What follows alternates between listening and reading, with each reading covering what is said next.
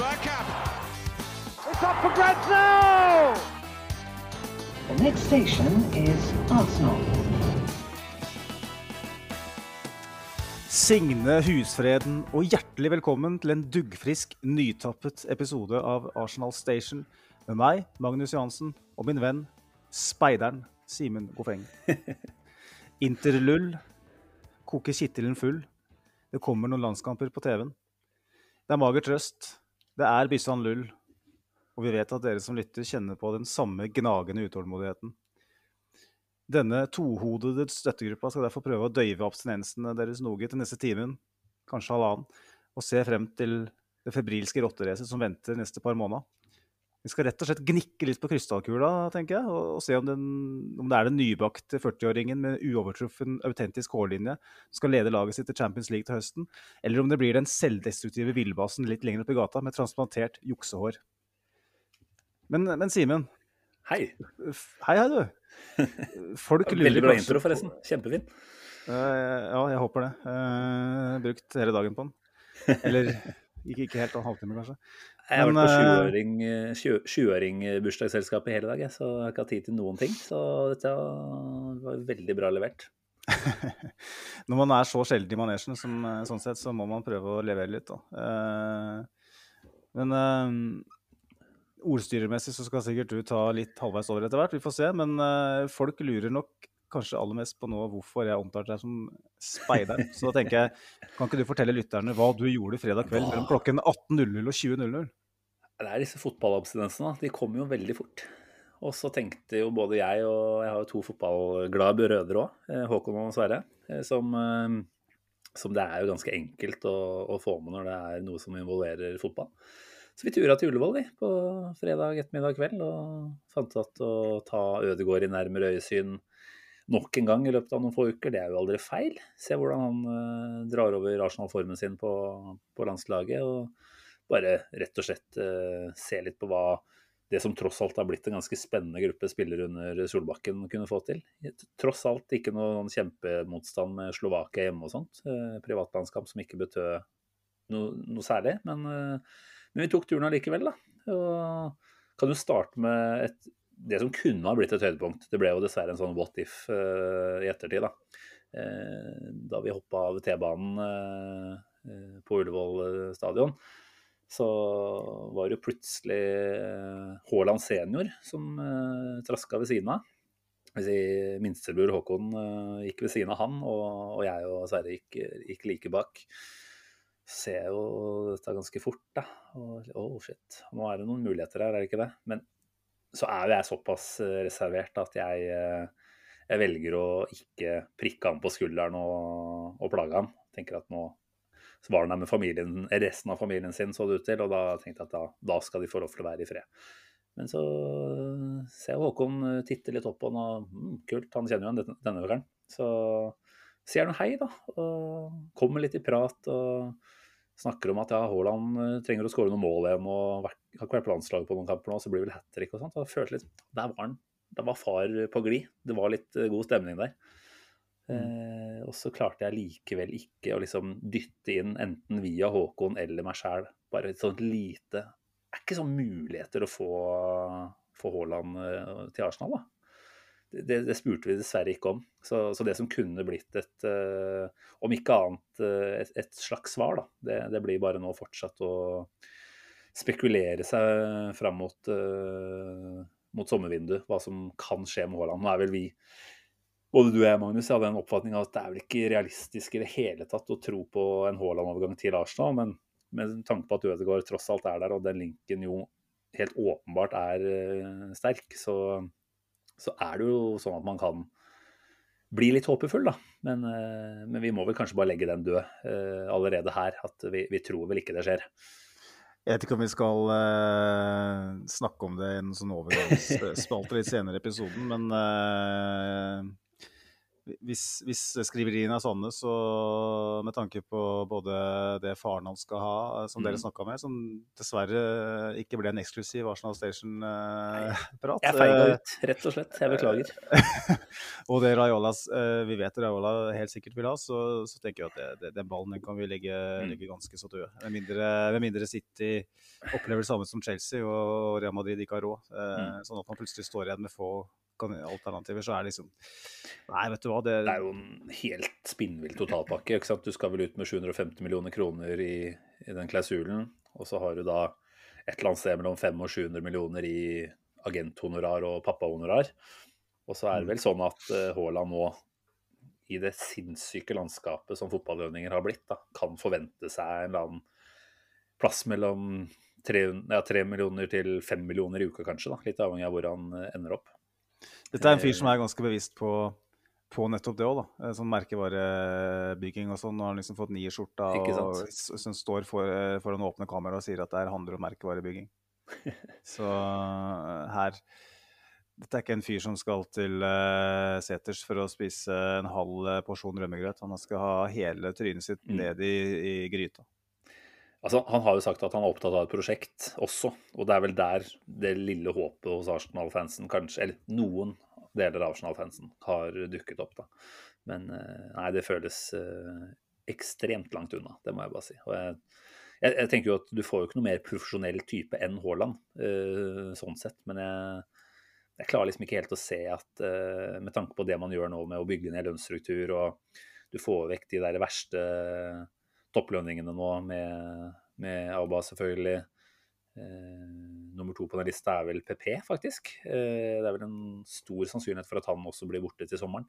Jeg tenker at man, eh, man drar ikke den lønnsstrukturen så eh, ut av proporsjoner at man henter noen til tre-fire millioner i uka. Altså. Så vi får legge den død. Men eh, videre om mitt eh, profesjonelle speideroppdrag, så kan jeg jo da melde at Ødegaard eh, så ut til å ha nok en ganske så ålreit dag på jobben. Eh, tar jo med seg dirigentpinnen sin fra Nord-London og, og styrer jo mye av det som skjer utpå der. Det er jo ganske rått å se den autoriteten han spiller med. Vi så det jo også mot, uh, mot Leicester. Det var jo også en kjempeprestasjon da vi var der. Eh, så, så dunker han jo ball i, i lengste og, avgjør kampen. Da. Så tenker at han, han hadde en veldig god dag på jobben sånn sett. Sander Berge eh, skrev jeg sånn spøkefullt på Twitter-kanalen vår at uh, kanskje kan komme inn og ta en slags venstre indreløperrolle fra, fra Sjaka. Men jeg, jeg, jeg klarer vel kanskje ikke å se for meg at det er det som trengs for å ta det ekstra steget uh, hvor vi ønsker å, å havne, da. Mm. Så jeg tror vel ikke Sander Berge er uh, mannen som, som kommer inn der i sommer. Men uh, det, er, det er klart det er lett å tenke at uh, bare ved Martin sin tilstedeværelse så har man jo litt andre Jeg vil jo tro kanskje også at en Arteta som, som nå helt tydelig stoler så mye på Martin Ødegaard på mange områder, kanskje også ville funnet det for godt å snakket med Ødegaard om potensielle rekrutteringer. Da. Og, og vi vet jo at Ødegaard har en kjempelink til Sander Berge også utenfor banen. Eh, Det kan jeg for så vidt også nevne. Min andre bror, Sverre, altså, han eh, var skamløs nok til å Da han så både Haaland, Ødegaard og Sander Berge traske rundt på Nydalen eh, dagen i forveien, altså torsdag. Jeg skulle ikke la de gå i fred, han, vet du. Så han eh, ba om en selfie. Fikk en selfie. Oi. Eh, både Ødegaard og, og Sander Berge var veldig smilende og velvillig, mens eh, Haaland omtrent hadde eh, traska i vei og, og snudd seg mens, eh, mens han drev og trykka på utløserknappen. Så det var helt tydelig at eh, Haaland var ikke, han var ikke nevneverdig interessert i å, å bruke for mye tid på slikt kødd på, på den uh, samlinga her. Altså. Det så vi også ut fra hvor mye skriverier det ble om at han ikke var tilgjengelig for pressen og sånt, selvfølgelig. De der Gofeng-brødrene de er ivrige stalkere av Martin Ødegaard. Altså, Det høres jo sånn ut. Vi var jo på, når vi var på Emirates nå mot Leicester, så så var jeg, når kampen var ferdig, så spiller jeg bare på puben og drikker øl og synge. Det er det eneste som betydde noe for meg der og da. Og du bare Nei, vi går ned på uh, Lover Tire, da, og så går vi ned der TV2 står og sånn, så roper vi litt på Ødegaard, så, så kanskje vi får en, får en prat med liksom. Og det var sånn, uh, og jeg føler liksom at uh, sjansen for det var bitte, bitte liten, da, mens sjansen for øl på puben er kjempestor. Så jeg føler at du, du var den som på en måte sto og, og kikka på den fineste dama i hjørnet på, danse, på dansegulvet og tenkte at det er en bitte liten sjanse for at jeg får meg hjem. Mens jeg liksom varsla fant, fant, fant hun som sto og som kanskje ikke var like pen, da. og tenke at jeg skal i hvert fall ha meg et eller annet her i kveld.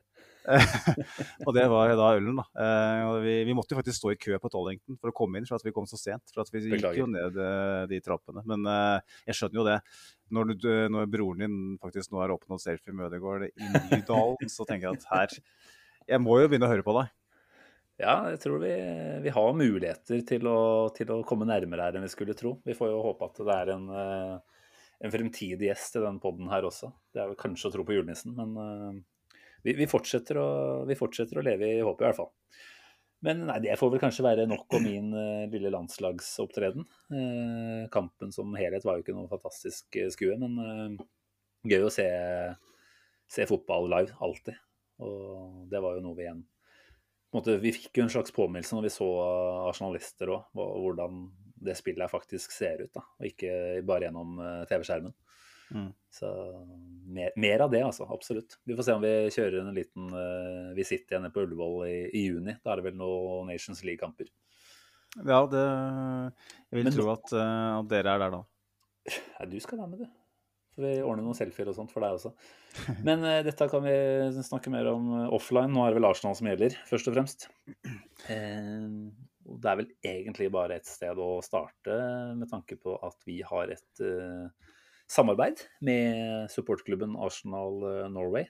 Kan ikke du gi meg på 15-20 sekunder de viktigste grunnene til å, til å melde seg inn?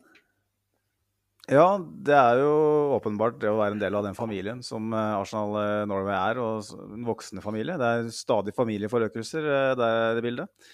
Og mm, den blekka som dunker ned postkassa seks ganger i året, den er alene nok til å betale 2,50 i året, som det koster. Den kommer vel nå i løpet av de neste dagene, gjør den ikke da? Eh, en ny Jeg har ikke, jeg har ikke rekke å smugtitte på den, men eh, vi skal kikke litt på den foran neste episode. Mm. Eh, og så er det selvfølgelig den eh, avtalen med fotballbutikk.no. 15% er det vel på alle supporterartikler. Eh, med de prisene som er på fotballdrakter sånn i dag, så er det gull verdt. Uh, kjøper du et par drakter, så har du allerede spart inn de 250 kronene. Uh, så har du selvfølgelig de treffene som, som er, som jeg syns er rosinen i pølsa. Jeg skal mm. vel sannsynligvis over igjen nå mot Leeds. Uh, har meldt meg på det supporterarrangementet på Emirates Stadium på, på den fredagen.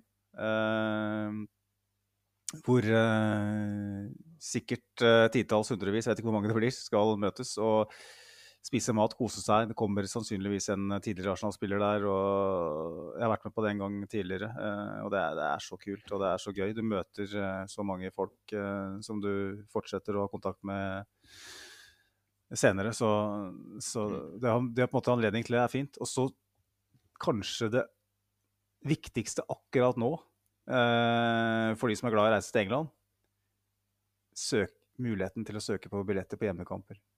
Jeg vet ikke om vi skal ta den allerede nå, jeg, Simen. At vi begynner med det før vi går inn på den uh, prediksjonen. fordi at det å få billetter på hjemmekamper på Emirates Stadium nå er komplett umulig uh, hvis du er litt sent ute. Uh, jeg vil tro at Jeg har ikke snakka med de supporterklubbene om det her nå, men jeg, jeg, vil tro at det er en del som faktisk ikke engang får billetter på, på det de kampene. Det stemmer, det. altså. De, de sendte ut et nyhetsbrev her i, i, går, var det vel? Altså lørdag. Og var ganske tydelig på at uh, det er ikke nok kampbilletter til alle som søker gjennom den kanalen. Og det er klart å skulle betale mange tusen kroner for en, uh, en kamp på Emirates i, i Premier League, det, det kan jeg vel omtrent ikke huske at man har måttet gjøre. Men nå, nå nærmer vi oss sånne litt sinnssyke tilstander, faktisk. Vi gjør det.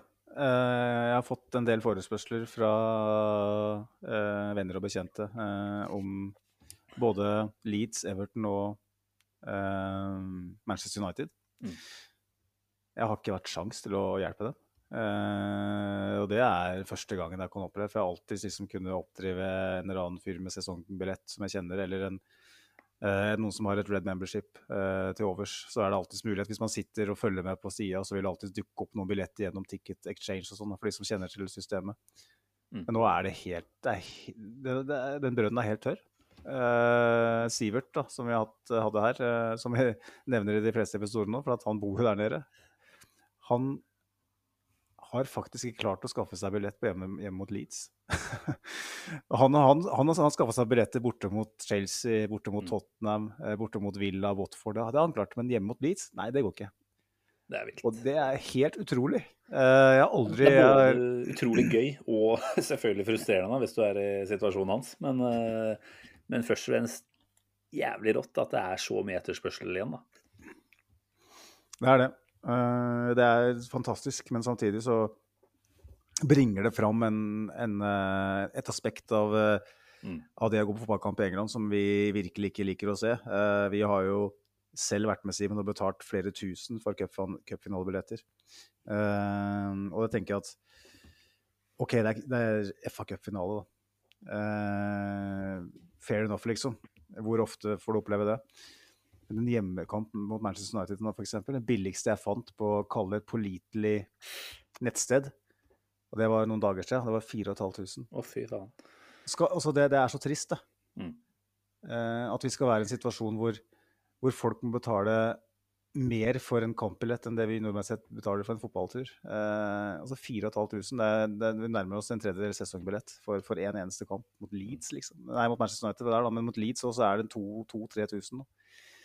Det er så trist. Eh, og det er så trist at det får lov til å fortsette. At de operatørene som har tilgang på de billettene uansett, bare ser an markedet og bare skrur prisene opp. Jeg syns det er ja. Det, er til å spy av. Eh, Så har man som du sier, vært en del av det til en viss grad selv òg, så Mm. begrensa hvor høyt man skal rope. Men, eh, men ja. Så er det jo selvfølgelig en eh, litt frustrerende side ved dette her også. Det er jo at du fortsatt ser tomme seter på Emirates hver eneste kamp. Jeg vet ikke hvor Vi, vi sto vel ikke der og telte akkurat når vi var over nå, vi. Men at man kan anslå et eller annet sted mellom 2000 og 4000 tomme seter, det vil jeg i hvert fall tro. Eh, oppi noen av svingene og, og faktisk Mm. nede på den East Lower, altså den, eh, den hovedtribuna som man jo ser eh, når kamera filmer utover mot banen, så er jo den den sida der føler jeg man ofte ser også at det er en del eh, tomme plasser. Og det er jo da sesongkortinnehavere som ikke, ikke benytter seg av billetten sin. Og i, sånn som da klimaet ser ut nå, hvor det er så mye etterspørsel, da, så er det jo nesten litt kriminelt Og å ikke, ikke da sørge for at den billetten kan brukes av noen andre. Og det er jo heldigvis en ting som klubben har sett, og som de kommer til å ta tak i før neste sesong. Eh, Det var vel AST, altså Arsenal Supporters Trust, som som hadde vært i dialog med dem bl.a. om den, dette. da, og Hvor klubben vel sa, jeg husker ikke akkurat detaljene i det, men hvor det var snakk om at hvis man eh, ikke tilgjengeliggjorde, altså verken benyttet seg av eller tilgjengeliggjorde billetten sin, eh, var det til tre eller fem kamper, så mista du rett og slett eh, sesongkortet.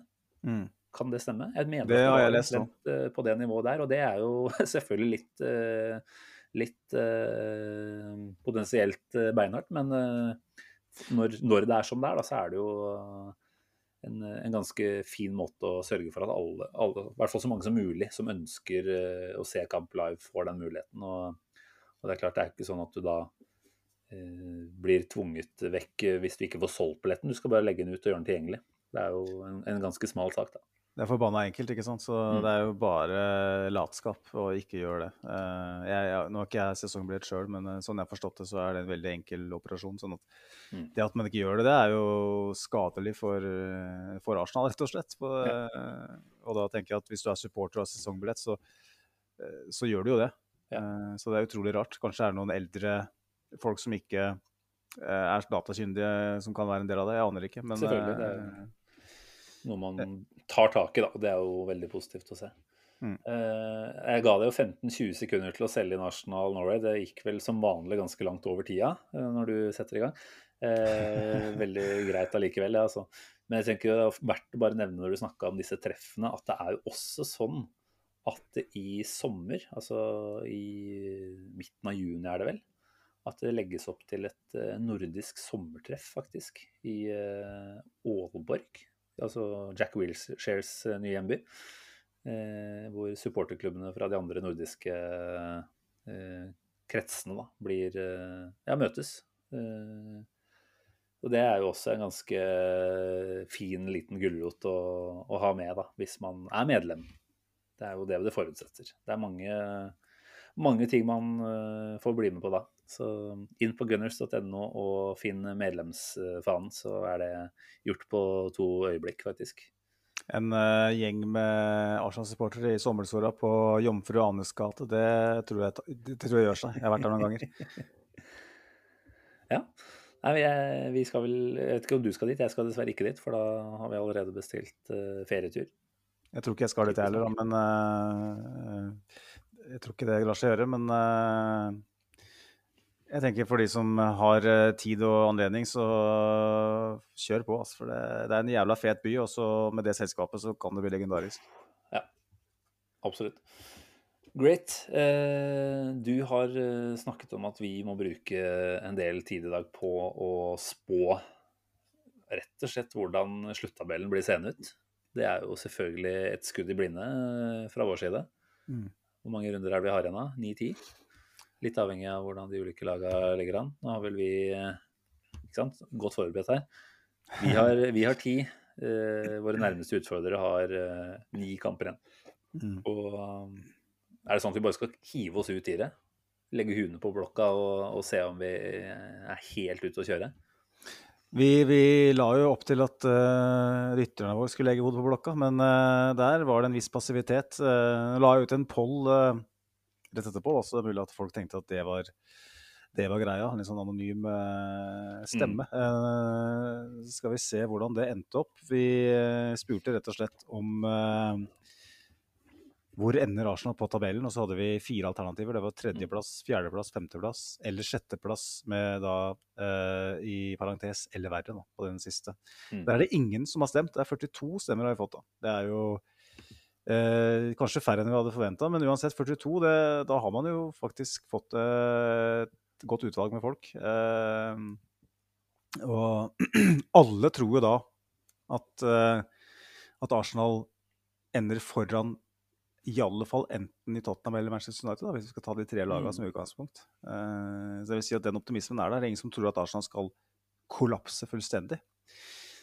Det er 9,5% som uh, tror vi blir nummer tre. ja. Det er sikkert det, Kanskje Ingen... du er en av de, optim, de optimistene? Du, jeg tror ikke jeg fikk svar på den der, jeg. Så jeg har vel også oppe på en, eh, en eh, I beste fall femteplass Nei, i beste fall fjerdeplass. Så nei, jeg har ikke vært oppe på, oppe på det nivået. Nei. 61,9% tror på fjerdeplass. Og da kan vi jo runde av til 70% av de som tror vi blir topp fire, da. Mm. Det er jo Det er vel ganske gjengs med, med oddsen og sånn. Jeg har ikke sett på den personlig, men uh, det vel, ligger vel omtrent der. Uh, sjansene for det, sånn Hvis man skal synse. Og så er det 28,6 da, rundt en tredel, litt underkant av en tredel, som tror vi blir nummer fem. Og jeg tenker at da, har, da, er det heldigvis noen som har brukt hodet litt òg, ikke bare hjertet. Og jeg mener ikke da at at det å bruke hodet betyr at vi blir nummer fem. Men jeg tenker at det skal være en viss skepsis der uh, ute når det blir såpass mange som stemmer. Da skal det være et utvalg som tenker at vet du hva, uh, uh, det er ti, fortsatt ti kamper igjen. vi skal spille borte mot Tottenham. Tottenham har et, et, program som ser litt enklere ut på, på mm. papiret, og vi, vi, er litt avhengig av en del enkeltspillere. sånn at det er jo en relativt stor sjanse for fortsatt at vi gå på noen skjær i den sjøen. Uh, og jeg syns det er faktisk er godt å se at, det, at folk ikke er blåøyde optimister uh, hele veien. Uh, at man faktisk tenker at det er faktisk en sjanse for at det her ikke går. man skal ikke innkassere noe som helst. Nei, og vi har jo sittet i forkant nå av innspilling og, og prata litt fram og tilbake om dette her. og det er jo dessverre, som du sier, det er ikke jeg, jeg, er jo litt der at jeg begynner å liksom tenke at dette her nå, nå, har vi på en måte vi vært eh, på fjerdeplass de siste eh, to eller tre rundene. Vi begynner å, bli litt kjent med Arsenal igjen oppi, oppi helt i den topp fire-diskusjonen. Og det er klart, det vokser en sånn mental greie om at dette her er sånn det skal bli, når man, man ser det over en periode. da. Så jeg kjenner jo at uh, den frykten, det er jo det det er, for at uh, særlig Tottenham skal potensielt sett kunne snyte oss for det, den, uh, den er ganske ekkel å, å føle på, altså. Mm. nå har vi jo, Vi trenger ikke å avsløre allerede, men det blir jo tett, for å si det sånn, etter disse beregningene våre, som jo absolutt ikke er Det er vel ikke sikkert vi treffer på alt, men jeg tror nesten uansett, sånn fra runde til runde, akkurat hvordan det ser ut, så, så vil det totalt sett være veldig, veldig lite som skiller da, til slutt. Mm. Det, det, å skulle liksom tenke seg til å havne bak det Tottenham-rotet her, da, som de tross alt har vært, eh, etter hvert i mye større grad enn det Arsenal har vært gjennom sesongen, det ville vært eh, forferdelig vondt. Og Én ting er liksom om United skulle klart å snyte oss eh, for det. Eh, det tror vi absolutt ikke vil skje, for der er det så mye som ikke ser ut til å funke, samtidig som de har et ganske Kanskje ikke et veldig mye tøffere, men litt tøffere kampprogram enn Tottenham. da. Så mm. de havner jo faktisk eh, i våre beregninger såpass langt bak at vi egentlig har utelukka de litt fra den diskusjonen her. Det kan jo være famous last word, selvfølgelig. Men men det er, eh, det er, jo sånn at dette her på mange måter ser ut til å stå mellom oss og, og Tottenham. Da. Ja, når vi satte oss ned, eller for jeg satte meg ned eh, personlig og, og gjetta resultater Da lå det ute en sånn predictor på var det Goal som hadde det, med Chris Wheatley. Uh, jeg gadd ikke å ta hele, for jeg gidder ikke å eh, tippe resultater på Aston Villa mot mm. Brentford, liksom. Uh, så jeg satt bare, og, satt bare, ned med de kampene, gjenstående kampene som Arsenal, Tottenham og Manchester United hadde. Ja. Jeg vet ikke om vi skal avsløre så mye, men jeg, det jeg kan avsløre, er at Arsenal har ti poeng foran United uh, i, mitt, uh, i, mitt, tips. Og da har ikke jeg vært spesielt optimistisk i, med Arsenal-øyne, egentlig.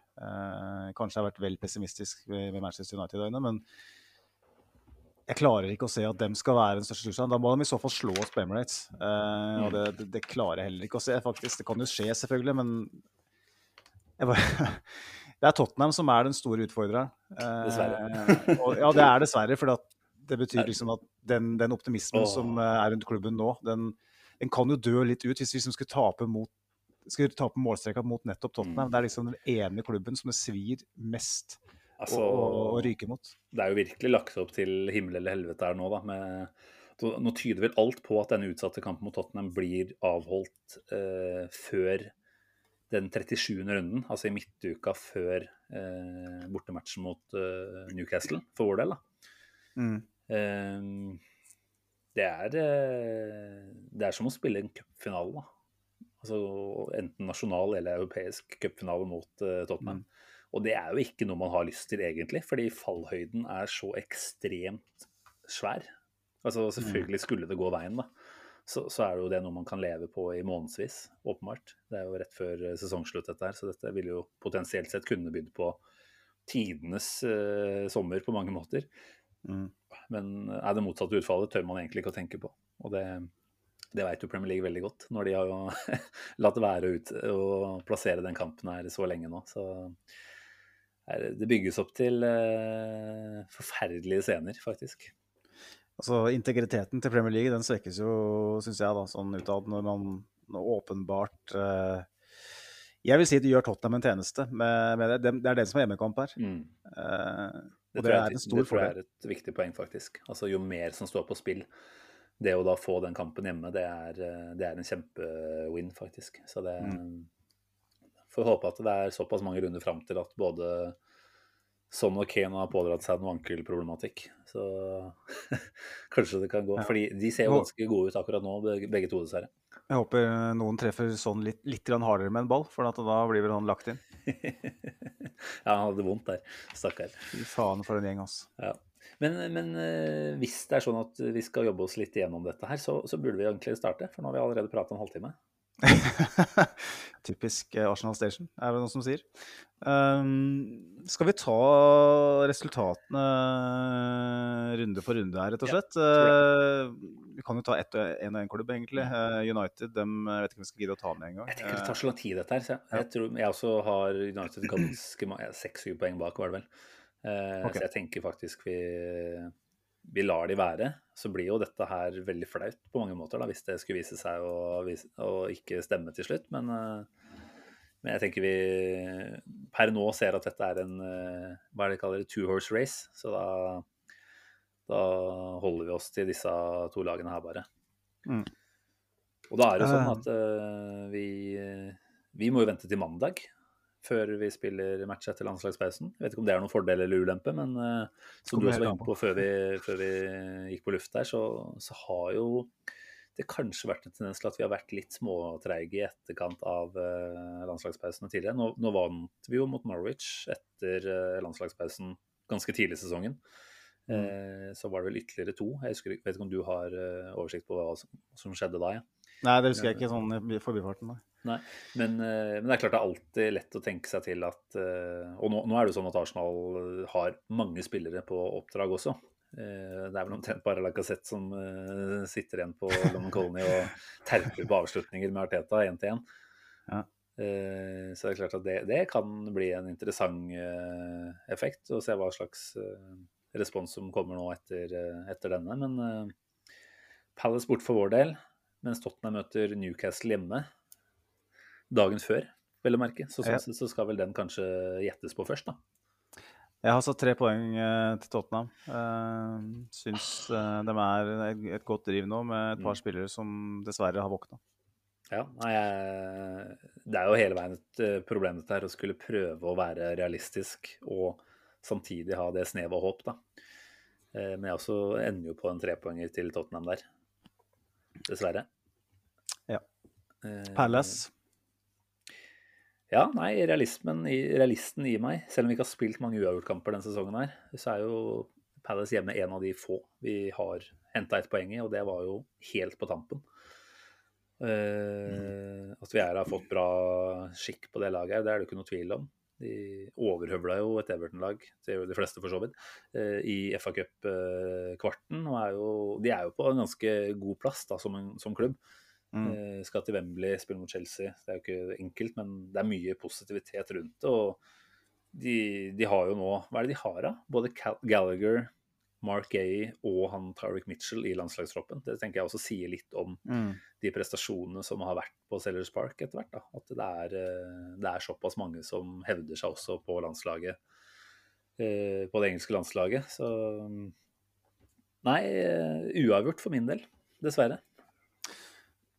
Samme her, eh, faktisk. Um, Palace eh, er vel et lag som har fått litt dårlig betalt, men som spillemessig gjennom hele sesongen har vært ganske solide. Eh, rett og slett delvis rundspilt oss på Emirates i, Mm. i fjor høst. Så det, med den trøkket som er på, på Sellers Park, det er mandagskamp, flomlys jeg, jeg frykter den kampen veldig. Eh, som du sier, Gallagher, Mitchell, uh, Guhei eh, på landslagsdag. Saha har vel vært av gårde med Elfenbenskysten. Eh, kanskje er det, er det med litt prega av eh, at det har vært en landslagspause, men eh, ett poeng. Ja. Altså, det, er, det er vel det som er kanskje problemet til Arsenal i mange kamper framover her. At det kan gå mange veier. Altså, I mange kamper så har det vært små marginer, da. Eh, I hvert fall eh, i resultatkolonnen. Altså, vi vinner ofte med et mål i mange matcher. Mm. det, og det har vi blitt ganske flinke på, så det er jo en trygghet i seg selv, det, altså. Men eh, det er liksom Det er sånn at eh, de aller fleste kampene kan man egentlig argumentere for alle mulige resultater fortsatt. Men greit. Eh, lørdag 9. april spiller vi hjemme mot Brighton. Der er ikke jeg i tvil. Det skal og det må bli en trepoenger. Brighton ser jo Mm. ikke ut i måneskinn om dagen. Eh, så er det selvfølgelig typisk at de kan nå, gjennom en landslagspause, ha fått brukt litt tid til å rette på ting.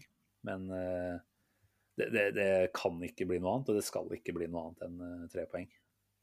Nei, det kan ikke være noe annet enn tre poeng. Det er, det, er kanskje den enkleste kampen vi har igjen, faktisk. Med tanke på at, eh, at Leeds Everton etter hvert som kommer på hjemme, potensielt har noe å spille for. Så, og presset på sannsynligvis vil være enda større når man nærmer seg slutten. Så Brighton hjemme, det, det er den ene kampen hvor vi virkelig ikke kan avgi poeng.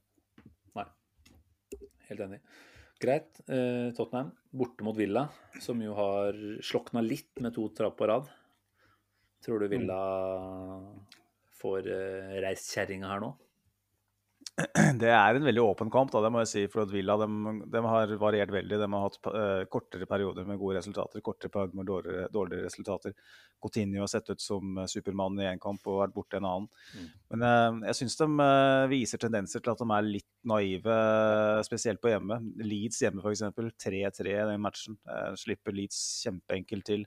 Og den kampen vi spilte mot dem nå forrige helg òg, den burde vi ha vunnet med to-tre mål. Vi hadde så kontroll, men vi, vi, vi, brant en del sjanser. og jeg er redd for at med så skarpe som sånn og, og, og Kane tross alt er, så, så, er det en kamp som er litt for åpen, som gjør at mm. jeg tror faktisk Tottenham vinner. Men uh, samtidig, det kan fort bikke begge veier.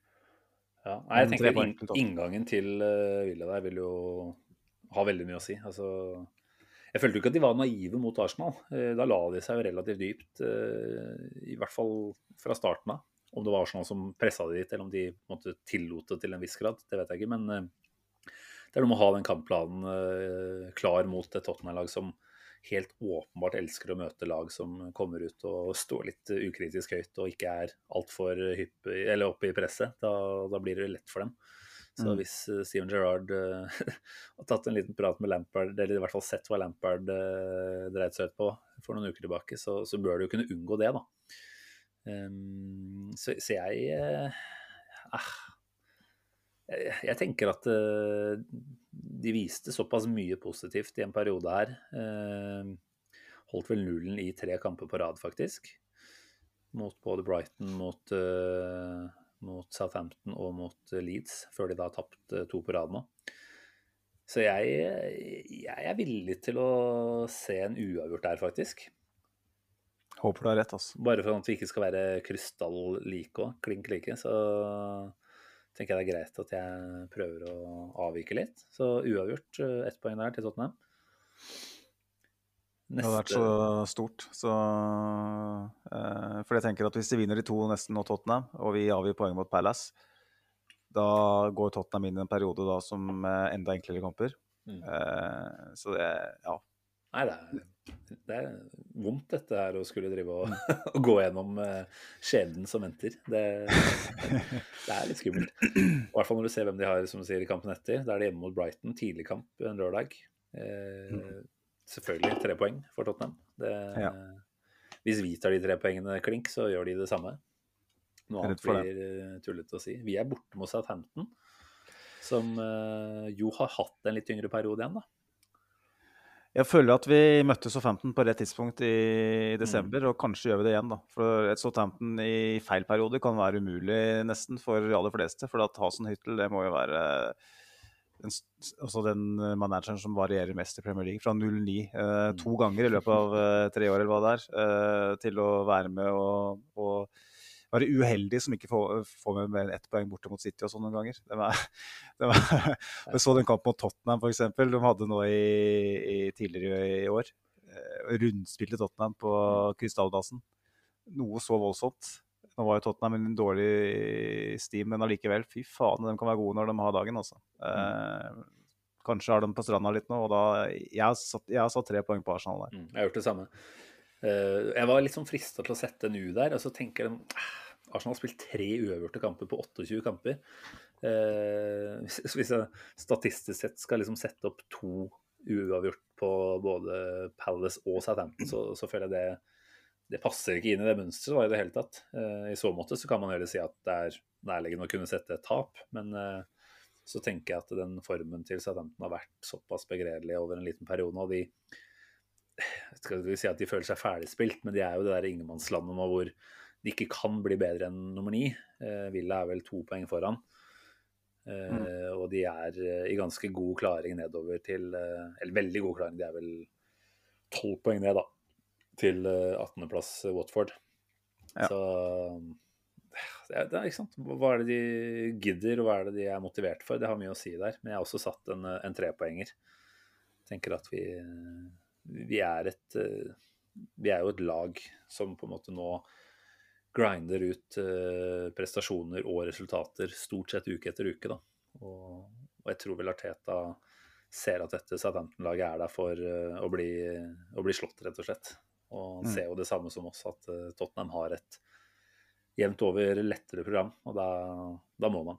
Og så er det klart at den dynamikken som vil utspille seg runde for runde her, da, hvis vi taper nå Hvis Tottenham skulle tape da hjemme mot, uh, mot Newcastle, mm. så kan det medføre at vi går inn i den Palace-kampen med enten tanke om at oi faen, nå har vi mulighet til å bare parkere de, eller så tenker man ah, OK, vi slapper av, dette går bra. Og så, og så er man ikke helt på topp. ikke sant? Så det er klart, hvis ett resultat avviker, så vil fort et annet kunne gjøre det samme. da. Man, man vil se såpass mye på hverandre nå framover, selv om Arteta har sagt at uh, vi skal kun ha fokus på selv, vi skal kun ha fokus på neste kamp. Så tror jeg ikke det er til å, å unngå da, at, man, at, man, blir bevisst på hva de andre lagene rundt seg driver med. Og, og nå føler jeg at vi i større og større grad har sett at uh, Arsenal-spillere snakker om at det er Champions League som gjelder. Uh, det er en bevissthet her, om at dette her er, det er en mulighet vi har nå. Og, mm. og hvordan det racet vil utvikle seg fra uke til uke, det blir interessant i seg selv. Men, uh, men jeg er med på en trepoenger der, absolutt. Og så har vi jo da en midtukekamp, bare fire dager etter bortekamp mot Southampton. Da skal vi jo bort på Stamford Bridge, den utsatte kampen der. Ja, det er den uka der, det? Ja. Eh, ai, oi, oi. Det er jo den ene kampen vi på en måte da sånn rundemessig har til gode på, på Tottenham. Etter den så vil det jo da være på likt antall eh, matcher eh, resten av sesongen. Mm. Eh, som jo i seg selv er litt ålreit. For det er, det er, lett å tenke at ja, vi har, en, eh, vi har en kamp til gode der. Men uh, borte på Stamford Bridge så er jo åpenbart ikke det en automatisk trepoenger. Og i min bok det blir også interessant, da, for det er klart, skulle Chelsea gå på et par poengtap nå over landslagspausa, og vi henter sju av ni poeng i de første tre, så er vi oppe og nikker i, i ryggen på dem òg. Og mm. De, ja, det vil jo kunne medføre enten at de er enda mer skjerpa, eller at det kommer noen nervøse reaksjoner. De har vel en uh, Champions League-kamp rundt Åpenbart ikke i midtuka, da, men i midtuka før eller etter, så de har jo et annet fokus i tillegg. Ehm, så ja, jeg har dessverre satt en, eh, et tap der. Og det tenker jeg handler om at eh, det rett og slett må dukke opp et tap eh, her og der. Vi har tapt åtte på 28. Det tilsier at litt under hver tredje kamp så, så, ryker vi på en smell, sånn i snitt. Ja, eh, man kan jo òg si at eh, etter at vi på en måte kom oss gjennom den litt tyngre fasen i starten av sesongen, så taper vi nesten ikke kamper. Altså Etter den United-matchen så har vel nei, Evert, Var det Everton eller United først, husker jeg ikke. Men en av de to kampene. Eh, så har vi vel ikke tapt noe annet enn bort, hjemme mot Liverpool og City. som er de to beste, klart beste mm. lagene i ligaen. Så jeg føler ikke at det er noe selvfølgelig at vi kommer til å, å tape fotballkamper. Men jeg har også tap der. kanskje er det for at for å prøve å være litt realist og tenke at eh, vi, eh, når vi skal sette opp et sånt eh, tips som det her, så, så ønsker man å være nesten litt pessimistisk på egne vegne for å se liksom, hva er det vi tåler da, hva er det vi tåler av nederlag. Eh, og så tenker jeg jo at Arsenal fremdeles ikke er voksne nok til å reise til de største arenaene og eh, ta med seg tre poeng. Vi vant jo mot Chelsea i fjor, da, men det var Eh, altså, det var marginer. Det var greit med marginer. Eh, og jeg ser ikke på det som umulig. Jeg tenker at det kom sannsynligvis til å bli en ganske jevnspilt affære, men det er liksom de derre Litt sånn som vi så mot Liverpool nå sist, at uh, det er de nøkkel, nøkkeløyeblikkene i kampene, og så har vi en tendens til å, til å rote det til i, mm. sammenligna med det beste. Uh, så null poeng, dessverre. Ja. Nei, men vi, vi må ha litt feilmargin, så så hvis vi på en måte kan tåle et tap bort mot eh, Chelsea, så er jo det veldig fint å se det også. Eh, vi får bevege oss litt kjapt videre. Hjemme mot uh, United i tidligkampen. Faen, altså. Igjen. Altså, Arteta har vært ute og meldt ganske solid tilbake til Premier League. Eller han sa vel til FA, men det er vel tross alt Premier League som bestemmer dette her. I mm. samråd med TV-kanalene.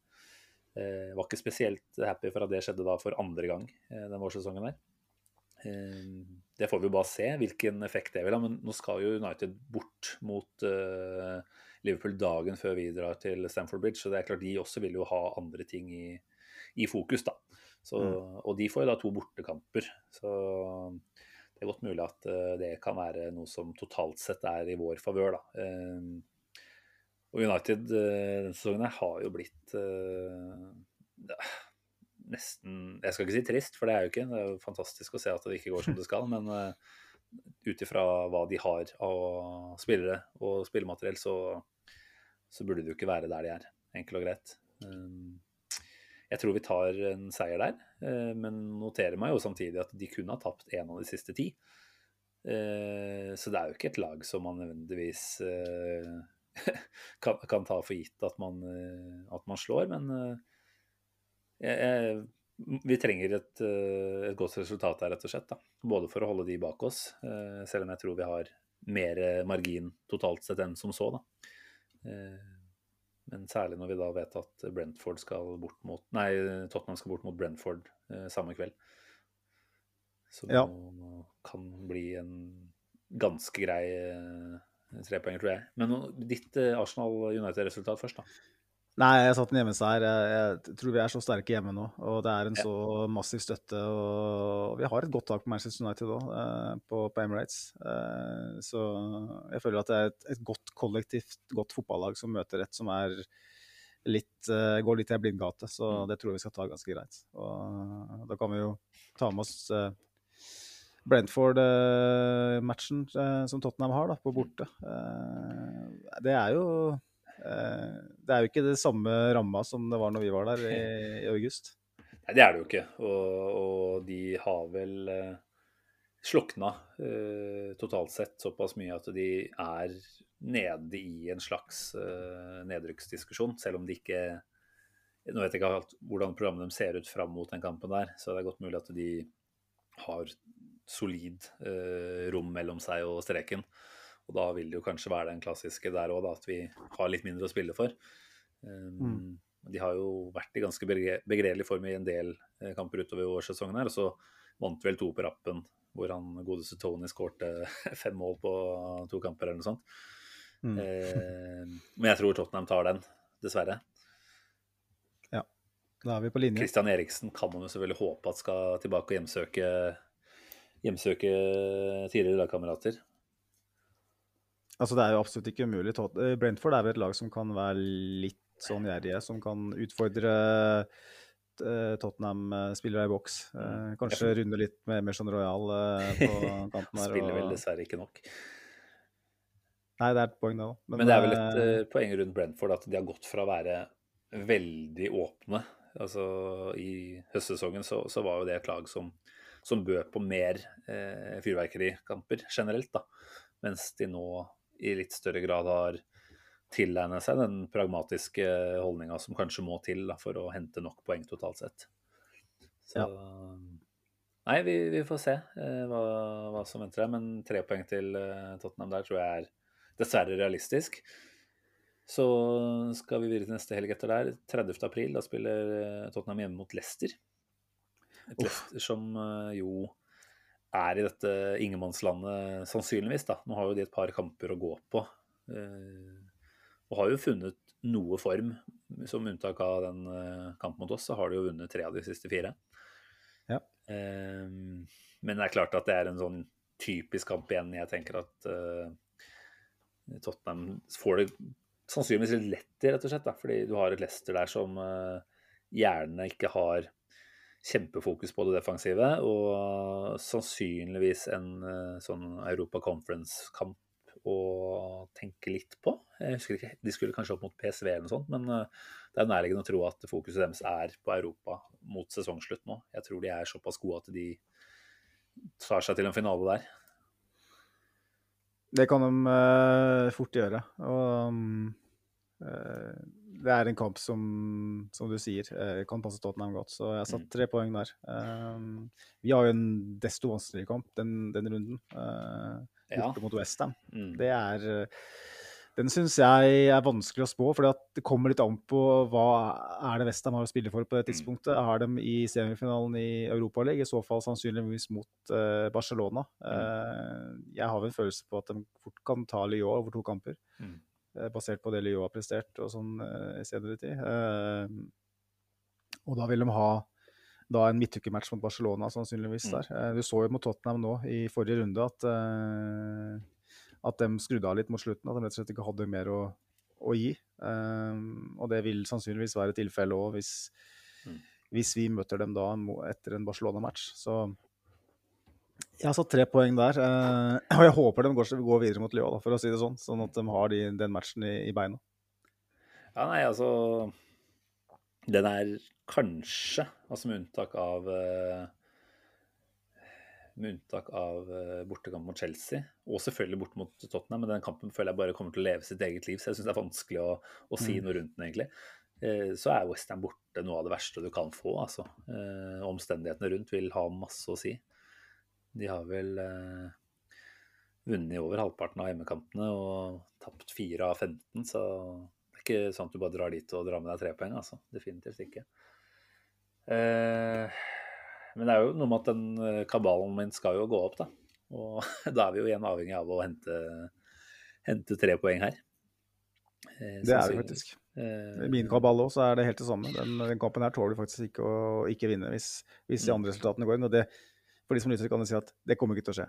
Det her er jo bare en, eh, en ukvalifisert eh, gjettekonkurranse, nærmest, men med litt synsing underveis. da, sånn at eh, Det kommer til å skje ting her som er uforventa. Både Arsenal og Tottenham kommer til å gå på noen miner som vi ikke ser for oss. Men uh, Westham borte kan fort bli en sånn nøkkelkamp. altså. Eh, det er på et stadion òg som hvor det er tre, kamper, tre eller fire kamper igjen etter det. Eh, kanskje er det en mulighet for å legge Tottenham bak seg eh, for godt, eller er det å invitere dem inn i racet igjen, ikke sant. Sånn altså. det, Det blir så nervepirrende. Jeg, jeg syns det er litt slitsomt å sitte her og, og spå, faktisk òg, jeg. For jeg kjenner at eh, det å holde det litt på avstand sannsynligvis er det sunneste. Litt sånn som Arteta sier, bare ta én kamp på gangen.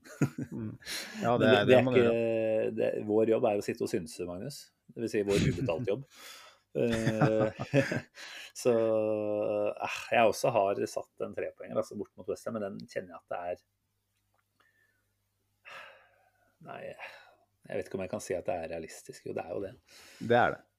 Absolutt realistisk. Hvis, eh, hvis det er en Barcelona-kamp der, så er det veldig realistisk. Men Ja. det vet vi jo ikke. Fem på rappen borte nå, så det er jo klart at vi har jo knekt en kode ut ifra hvordan vi skal opptre der. Mm. Eh, Nei, men da, da blir det tre poeng der òg, da. Jaggu meg. Da er det Leeds hjemme da, i runden etter. Jeg vet ikke om eh, den Da er jo du Det til stede, og det Ja, Ja. Nei, Nei, sorry. nei, nei det jeg syns du sa nei. jeg. Ja, nei, beklager, det var ikke meningen å nekte for det du sier. Jeg skulle bare si at eh, der er jo du faktisk på plass. Sannsynligvis, ja. Så er det. Jeg er en av de få som har fått billett. Ja, ting tyder på at det kan eh, gå i orden for din del. Da. Så um, jeg tenker det er jo tunge på vektskålen. Og hjemme mot Leeds, som selvfølgelig også kan risikere å lefle med nedrykksstreken på det tidspunktet der, men jeg tror ikke det. Det er et lag som da bør kunne være OK Arteta-mat, da, med tanke på hvordan de ofte tilnærmer seg kamper. Selv om Jesse March uh, sikkert kan innta en litt mindre uh, naiv, uh, offensiv holdning inn mot kamp, så, så tror jeg fortsatt at det Leeds-laget her skal være ganske grei skuring på hjemmebane. Så eh, klink tre egentlig der. Ja, det jeg trenger ikke å si noe mer om det. er tre poeng for meg òg. Og det Ja, som er hyggelig, da, er at denne runden her så skal Tottenham bort mot Liverpool, skal de Ja. ikke det? Stemmer. Og det er, trenger heller ikke å si noe mer om, det er null poeng. Ja, altså Liverpool som må de, de og City kommer til å gjøre det de gjorde for er det egentlig to år siden? Eller- Ja, da hvor de vant de siste nesten alle kampene og pusha hverandre hele veien. Og vel da Mm. Var det 98 og 97 poeng eller noe sånt. Jeg husker ikke helt, jeg. Men eh, det var helt sinnssykt. Og Ja, det er ikke, kokos. klart eh, Liverpool sin eh, potensielle Champions League og FA Cup-vei også vil jo kunne påvirke her, da. Eh, Men, eh, men jeg også tenker borte, borte på Anfield så, så skal det ikke bli noe annet enn eh, Liverpool-seier. Så da blir det en god smultring i poengtellinga her for Tottenham. Mm. Eh, Så kommer vi til et litt tricky Ja, nei, ikke sant. Nå følger jeg terminlista, men vi må ta for oss det som skjer i midtuka der, da. Mellom eh, 7. og og 15. mai. Det Sannsynligvis, eh, ja. Eh, Det er vel ikke beramma offisielt, men eh, det virker jo som det blir Tottenham den, den midtuka. Og der, der, tenker jeg at forutsetning inn i den kampen vil få veldig stor betydning for hva slags forventning vi kan ha til en. Altså et Tottenham som der er avhengig av å vinne, vil nok passe Arteta ganske bra. Uh, Ut ifra at vi kan tillate oss å Og vice versa, kan du si? Uh, ja, ja, ja, absolutt. Et Arsenal som må vinne, vil jo være det som, som Tottenham ønsker seg. Med tanke på at mm. de da kan uh, gjøre det de er best på. Så det er jo lett å velge den gylne middelvei, da. Ja. jeg tenker jo at ett poeng er vel det vi begge har spådd, da. Og, mm. og i, min, i, mitt tabelltips, for å kalle det det, så, så tåler vi ikke det tapet der. Uh, der må vi få med oss et poeng, uh, hvis, hvis, mine prediksjoner stemmer. Og jeg er redd for at det blir en cupfinale. Jeg er livredd for det. Uh, det. Jeg ser på kampprogrammet, så tenker jeg at vi skal virkelig eh, ha en kjempegod periode fram mot den kampen hvis det ikke skal ha noe å bety når vi kommer dit. Mm. Eh, og det er en forferdelig følelse. Det er bare faen heller også at vi skal måtte reise dit, og kanskje med kniven på strupen. Eh, det er krise. Ja, det, det er skumle saker. Men uh, en uavgjort der, det er jo på mange måter uh, det som er klart minst sannsynlig, ut ifra hvor lite uavgjort begge disse lagene spiller. Det er jo stort mm. sett seier eller tap. Eh, da kan det jo være den klassiske at man ender på en uavgjort. Jeg også ut ifra min poengtelling vil jo se at det holder for vår del. Så ja, jeg kjenner jo at dette her er vel optimistisk. Det er nok det, men uh, vi er kanskje vel optimistiske på Tottenham sin vei nå. Uh, ikke sant? Sånn at det skal vi tilbake, komme tilbake til når vi oppsummerer. Men uh, jeg tror vi kanskje har overvurdert begge lagene litt. i den Sannsynligvis. Sannsynlig. Det er jo litt sånn lett å gjøre. Ikke sant? Når du ser hver enkeltkamp, så tenker du at ja, men der er man litt bedre. Der er man litt bedre. Mm. Eh, men i denne tellinga totalt sett så ender jo, ender jo vi opp med hva er det, seks-syv seire, og Tottenham ender vel opp med en seks-syv seire av eh, ni og ti kamper. da. Mm. Eh, og det, det er jo overprestasjon eh, fra begge, ut ifra hvordan man har gjort det sånn jevnt over sesongen sett under ett. Ja. Så, men det er jo kanskje det er... sånn det også må bli, da, når det drar seg til. Når man har disse For vår del så har vi jo snakka om at det har vært cupfinaler helt siden eh, eh man var tilbake fra denne Dubai-campen, ikke sant. Og, og, det har jo stort sett funka ganske bra, da. Vi har jo vunnet seks av sju siden vi var tilbake derfra. Det er jo ganske sykt å tenke på. Eh, mm. Så Ting tyder jo på at Artetas menn eh, takler det presset, i hvert fall. Jepp. Um, neste vi... runde da er vel uh, da den nest siste helga. Da har vi en bortekamp mot Newcastle, mens Tottenham skal til uh, Nei, skal også spille hjemme mot Burnley. Ja. her har jeg faktisk satt ett poengtap på Arsenal. Uh, igjen, mm. som du sier, vi spiller ikke så mye uavgjort, men jeg har igjen satt en uavgjort. uh, jeg er redd for at Newcastle, som har vist uh, vanvittig formstigning etter at de fikk lov til å bruke penger i januar Arsenal da, det, det, altså det, lukter litt for dem, ikke sant? De tenker at her har vi mulighet til å kjøre en skikkelig statement-seier på hjemmebane rett før sesongen er slutt. Ja. For vi skal gå inn i den sesongen hvor Newcastle skal etablere seg på øvre halvdel. Eh, Arsenal er òg kanskje liksom drømmemotstander for, på, på mm. sett og vis. For at vi har på en måte en sånn, et sånt rykte om at, at, oss, at vi er mulig, vi er mulig å, å, ta da, når man ja. trenger en eller annen uh, statement. Selv om vi kanskje ikke er det laget som vi var for noen måneder siden. Så jeg er redd for at vi, at vi kan få et poengtap uh, der. Jeg satt uh, ett poeng, rett og slett. Ja, altså i min beregning der så har jeg jo tatt med at vi da sannsynligvis da tipper jeg, tipper det blir en onsdagskamp mot Tottenham. Da har vi jo for så vidt noen dager å hente oss inn på, men jeg, men jeg frykter jo at den uh, midtukekampen her kan ta på noe hinsides. Og det er litt mm. som du sier, det er en uh, siste hjemmekamp for Newcastle. Uh, de er nok trygge da, og det er de jo egentlig allerede, kanskje. så at de ikke har altfor mye å spille for, det kan man jo selvfølgelig bruke som et argument for vår del. Men jeg kjenner litt på den, den frykten rundt der. Det er dessverre da, en del god stemning på Tyneside nå.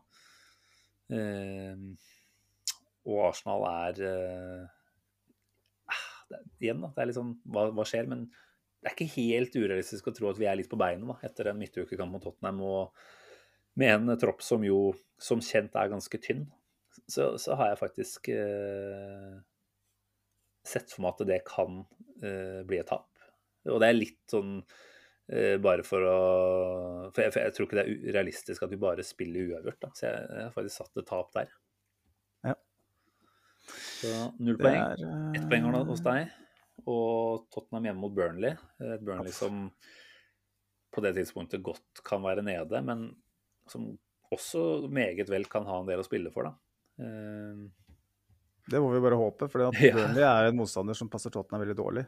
Ja. Uh, Selv om Burnley borte selvfølgelig er uh, Jo da, de, de har vel uh, uh kara seg til noen ettpoengere der, bl.a. mot oss. da. Så, så og Manchester kanskje... United, vel. ja. ja. det er et ja. lag som kan bli vanskelig for å bryte ned for Tottenham. Uh, Iallfall hvis Burnley har noe å spille for, så tror mm. jeg fort det kan bli vanskelig. Men jeg tror ikke at de har noe å spille for på det tidspunktet. Du tror det er nede, eller? Ja, jeg tror det. Altså, nå, ja. nå har de gått på et sånt tapstrekk igjen. Liksom, jeg trodde kanskje at de våkna litt etter at de uh, slo Tottenham og hadde vel to seire på rad. Fikk uavgjort borte mot oss på Emirates. Og da tenkte jeg at ok, nå våkner Sean Dyche maskineriet igjen, så nå klarer de å berge plassen. Men så har de vel omtrent tapt alt etter det. Ja. Uh, sånn at uh, jeg tror ikke de klarer det den gangen her. Og da, hvis de ikke har noe å spille for, og Tottenham har alt å spille for jeg blir se for seg at de får med seg noe der. Altså. Det er da jeg har lyst til å minne deg på, Magnus. Hva er det Georgio Kilini sa etter at Juventus hadde slått Tottenham ut av Champions League? It's the history of the Tottenham. Jeg føler litt at Selvfølgelig så kan man si at Antonio Conte har uh, sprøyta inn en skikkelig vinnermentalitet i den gjengen her. Jeg frykter jo det, og ting per i dag tyder jo på det. Men jeg bare jeg tenker at et eller annet sted så må Tottenham virkelig fucke opp sånn eh, uforventa, da. Og jeg har faktisk eh, lekt litt med tanken på at det er her det kommer til å skje. Eh, når de liksom tenker at OK, uavgjort mot Arsenal eh, kampen i forveien, da lever vi godt. Så har de ikke overskuddet som skal til for å bryte ned Sean Dyche, som fortsatt ser at ett poeng kan være nok til å til å holde seg oppe foran siste serierunde. Så mm. nei, jeg, jeg melder ett poeng. Det er, eh, det er sprekt. Det, det, er litt optimistisk, uh, men det er min, uh, min, rolle. Og da har vi kommet til siste serierunde, Simen. Uh, ja. Det er, det, er, en runde hvor begge lag har grei motstand. Vi har hjemme mot Everton, som jeg håper at de er trygge da. og jeg tenker nesten uavhengig av det, så det er Frank Lampard. Mm. Det er lett mat for eh, Mikkel Arteta som regel. Ja. Uh, mens eh, Tottenham skal bort mot Norwich, som nesten helt sikkert er nede. Ja. Og, og som er et lett lag å spille mot, uansett nesten, dessverre. Mm. Uh, jeg har også tre poeng til begge der. Så trenger ikke å snakke så veldig mye mer om akkurat det da. Altså, det er jo det som betyr at det blir en ganske hyggelig sesongavslutning for vår del. da. Vi kan jo ta opptellinga her. skal du ta din først, hvordan det ender opp? Ja, da kan vi ta med tre lag. Da kan vi ta Manchester United da, uh, i tillegg. Uh, og gi dem den respekten. Og i hvert fall så tar vi dem med helt til slutt. Uh, de ender da på fire seire, tre uavgjort og to tap. 15 poeng på de mm. siste ni kampene. 65 poeng totalt. Tre, soleklart sjetteplass, med mindre Westham kommer opp. Tottenham, sju seire, Én uavgjort, ett tap mm. på ni matcher. 22 poeng.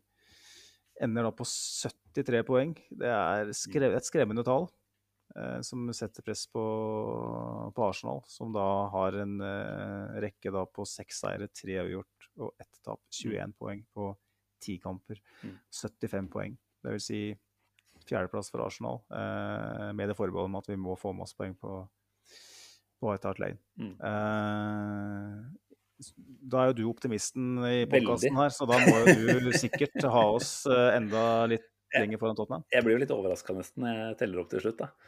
Eh, men, men, jeg ser jo at dette litt sånn fram og tilbake på hvilken At det var den kamp nummer to i den rekka her hvor jeg melder eh, uavgjort for Tottenham. Det gjorde kanskje du når jeg tenker meg om. Den borte mot Villa Nei, det er tre poeng. Ja, har du tre poeng. Det er der det skiller, og det er mot Burnley det skiller, da. Mm. Så nei, jeg ender jo opp med faktisk Arsenal på Har jeg telt riktig da, eller? Eh, 74 poeng. Ja. 20 poeng eh, på de siste ti. Mens jeg melder at Tottenham ender på 68 etter å ha tatt 17 poeng på de siste ni. Eh, Altså seks poengs margin. Det er jo egentlig mer enn det jeg tror. Så jeg klarer, ikke å, jeg klarer ikke å bestemme meg helt her. Men jeg får stole på, på disse gjennomarbeida tipsa mine da, og si at det er der vi ender. I så fall blir det jo meget lave skuldre. Da blir det eh, riving av Jomfru Johannes gate i Danmark i sommer for, eh, når det er drept der. Eh, Men det er en Det her er jo en gjettekonkurranse, Simen, sånn at det skal bli spennende å gå tilbake på den. Jeg tenker at Hvis Arsenal klarer det her, så går vi tilbake på å se på den. Hvis vi ikke klarer det, så kommer vi bare til å skrinlegge den og brenne den. Eh, Så hvis dette går til helvete, så har jeg ikke lyst til å podde på flere uker etter sesongen slutta. Da, Nei, det da må vi ha en lang sommerferie. Og det, det er litt sånn, det er fælt å si, da, for det, da er vi jo tilbake igjen til der at hva kunne vi egentlig forvente av det laget her før sesongen? Det var ingen som snakka om at fjerdeplassen er der for å tas. Men, eh, men når vi på en måte nå snakker om at det er Tottenham og ikke United som ligger og er vår fremste utfordrer, så vil det jo føles så ekstremt mye bitrere å skulle glippe da, eh, mot slutten her. Så nei, akkurat den, den tanken skal vi ikke bruke altfor mye tid på, rett og slett. Det er, eh, det er bare negativt hjerneføde. Det er kanskje på tide å bevege seg videre, Simen, til litt mer positivt uh, hjerneføde. Uh, vi fikk et spørsmål fra Sivert Eriksen her, uh, det er vel et par episoder siden, da, hvor vi fisk, når jeg fiska etter lytterinnspill, og du sa at jeg egentlig skulle, ikke skulle gjort det, for vi hadde ikke tid til å ta det med. og da kom det jo rekordmange. eh, veldig gode òg. og han hadde litt lyst til å vite litt mer om Mm. han godeste Brooke Norton Cuffey som eh, spiller uh, i Lincoln City om dagen, i League One, på lån fra, fra Arsenal. Da. Mm. En, eh, en høyreback uh, som fylte 18 år i, i januar. Som får særdeles gode skussmål fra, fra de som ser på, på matchen nå. Ikke minst fra han Var det Michael Appleton han heter, Simen? Han Stemmer. treneren. Som vel gikk så langt som å mene at han følte seg ganske sikker på at han hadde en framtid i førstelaget til, til Arsenal. Um, jeg vet ikke, Simen, uh, hvor mye du har fulgt med på det her. Det er vel ingen av oss som har sett kamper, men det, du, har fått, du har fått med deg hypen eh, rundt den, vil jeg tro. Ja, og det er jo lett å bli blenda litt når man tar seg fem-ti minutter på YouTube og, og titter litt. Uh, Så ser vi at dette er en ekstremt spennende type, som jo er interessant i seg selv. Da, for det er jo et navn som egentlig bare nå har dukka opp litt sånn som sesongen har uh, arta seg. Uh, han var vel i, uh, i Arsenal uh, til helt på slutten av eh, sommerens overgangsvindu. Så han Gikk han, gikk vel i januar, tror han ikke det? han gikk i januar, ja. Ikke sant? Stemmer. Så han, han eh, hadde jo på en måte ikke eh, gjort så mye på høstsesongen i det hele tatt, da. Og så, så er jo det som har skjedd der de siste månedene, ganske spesielt, egentlig. For det, han virker vel å ha fått fullstendig tillit eh, på et lag som jo egentlig kjemper for å overleve i League One. Eh, som jo er beintøft i seg selv, som vi vet. Vi hadde jo han eh, John Jules der. Ja, det var vel sånn det var. Han starta der i høst, og så ble han kalt tilbake igjen i, i, i januar. Eh, Poenget er jo at det er ikke noe garanti for at en Arsenal Academy spiller eh, uke inn og uke ut der, da.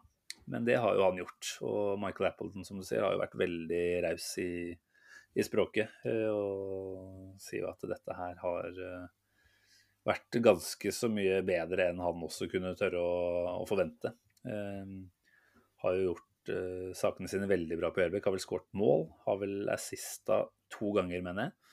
Uh, og ut ifra noen sånne YouTube-compilation så ser du at han, eh, han byr på flere aspekter da, fra den uh, høyrebekk-rollen, som jo tilsier at han allerede der er en spennende type i Artetas øyne også.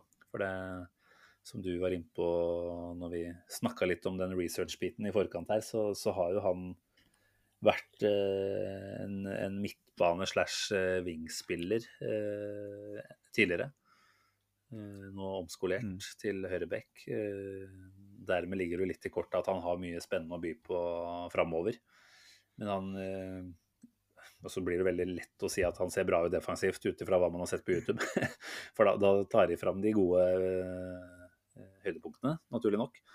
Men, Mm. men han virker også ganske trygg, og virker som han liker de fysiske duellene som, som han får i, i League One. Da.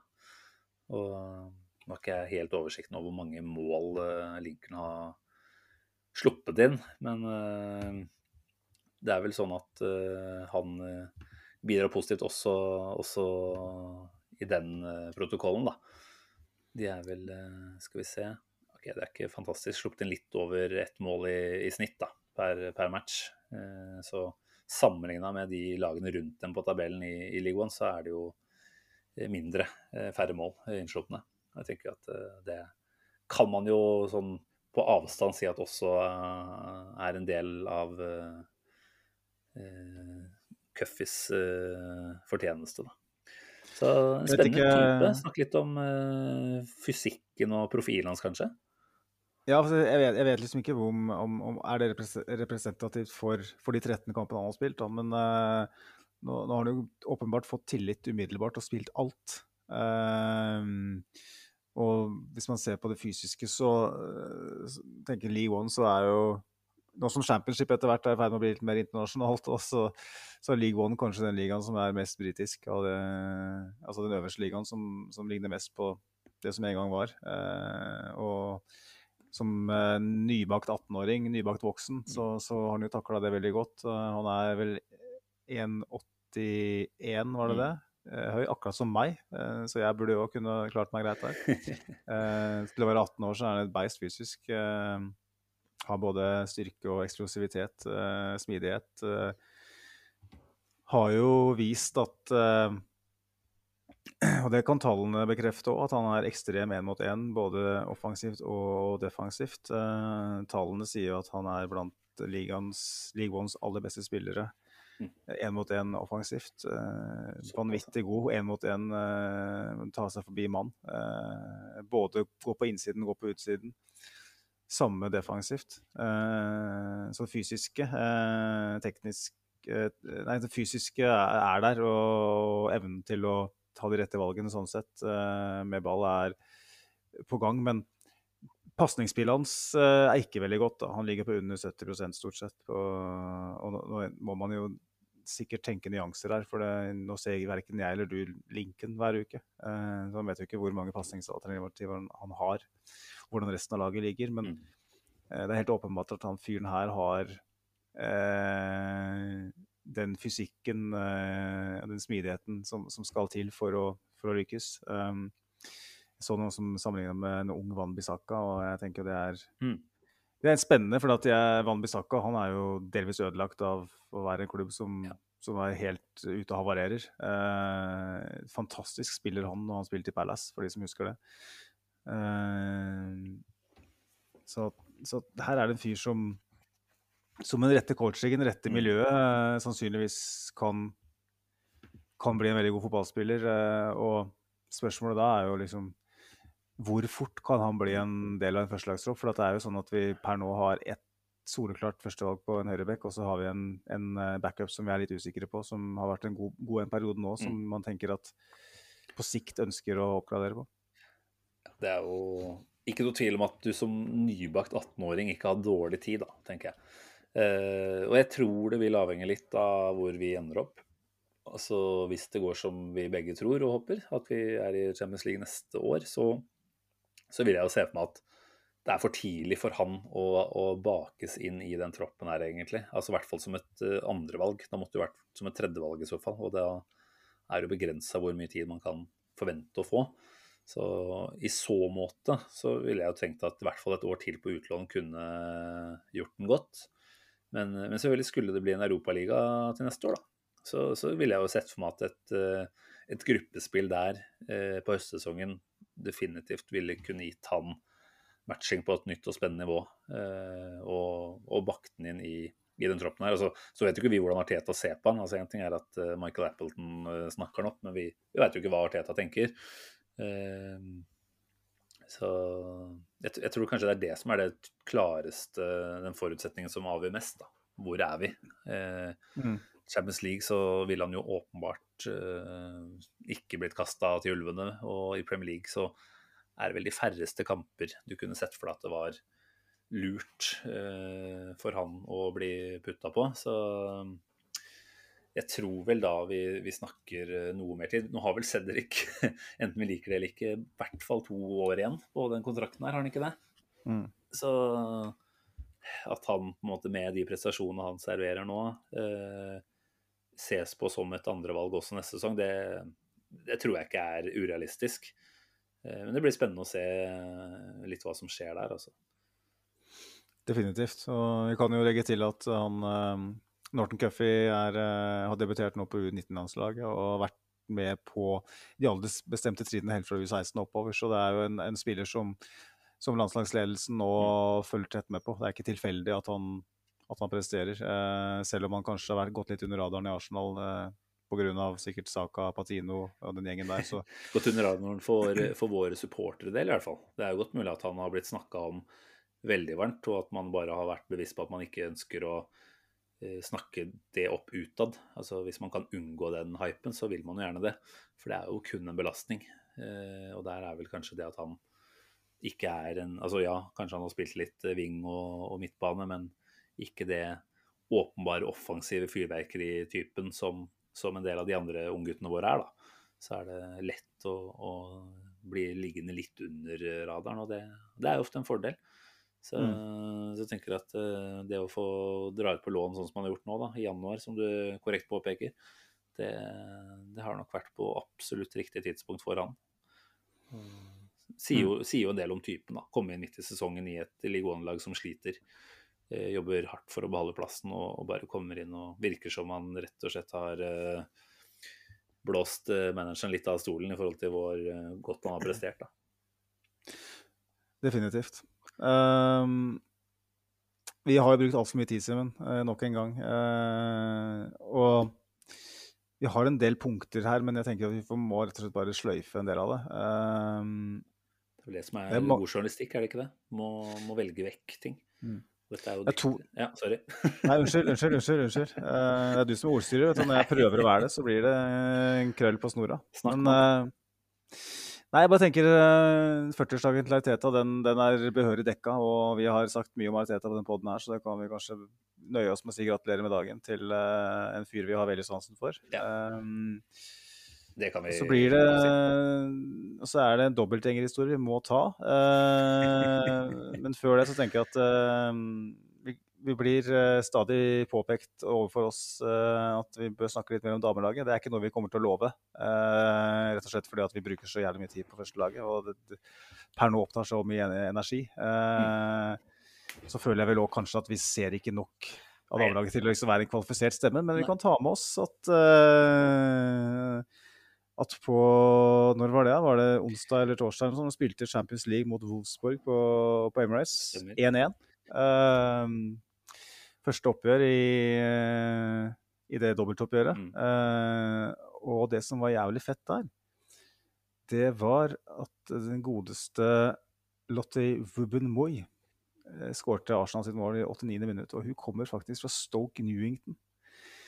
Og for de som er lommekjente i Nord-London, og ikke minst Highbury-området, vil jo fort ha kjensel på det. Men for de aller fleste, vil jeg tro, som ikke har gått så veldig utafor de mest kjente gatene. Så Stoke Newington det ligger jo rett uh, retningsmessig blir det da. Nord, nordvest, nordøst for, for Highbury. Jeg bodde jo um, nesten midt mellom Highbury og Stoke Newington, så jeg hadde jo nærbutikken min i Stoke, Stoke Newington. Ja, ja. Så nært er det Highbury. Det er tippet kvarter å gå fra Highbury omtrent. Mm. der, er, der er hun fått, født og oppvokst. Eh, så mer, mer, lokal Champions League-målskårer i Arsenals historie, ja, det, det kan jo nesten ikke finnes.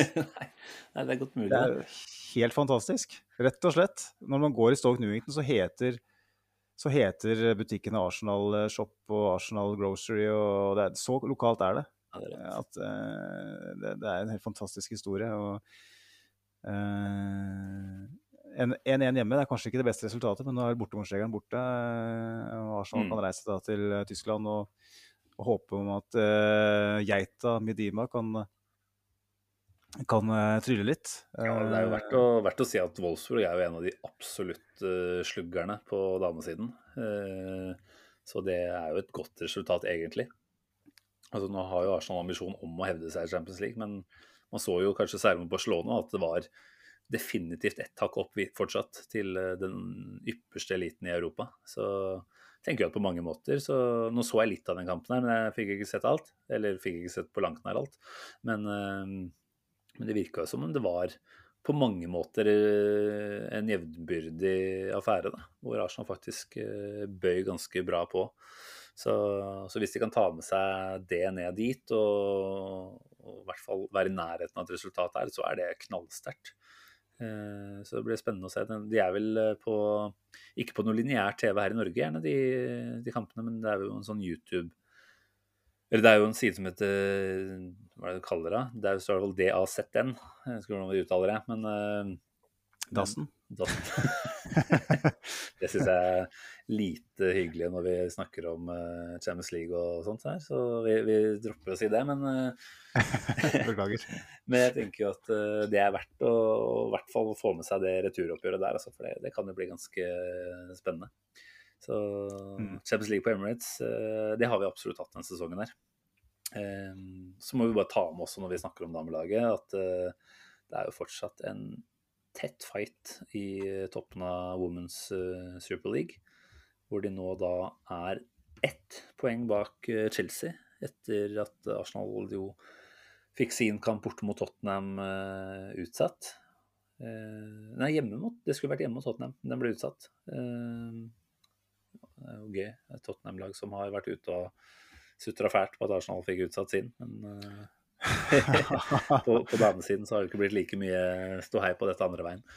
Men eh, Arsenal er jo absolutt oppe og nikker i, i ligaen, og det er jo sterkt. Eh, City som jo har mye bra materiell, de er jo ikke i nærheten. United, altså Manchester United er jo faktisk oppe og ligger på tredjeplass eh, per i dag.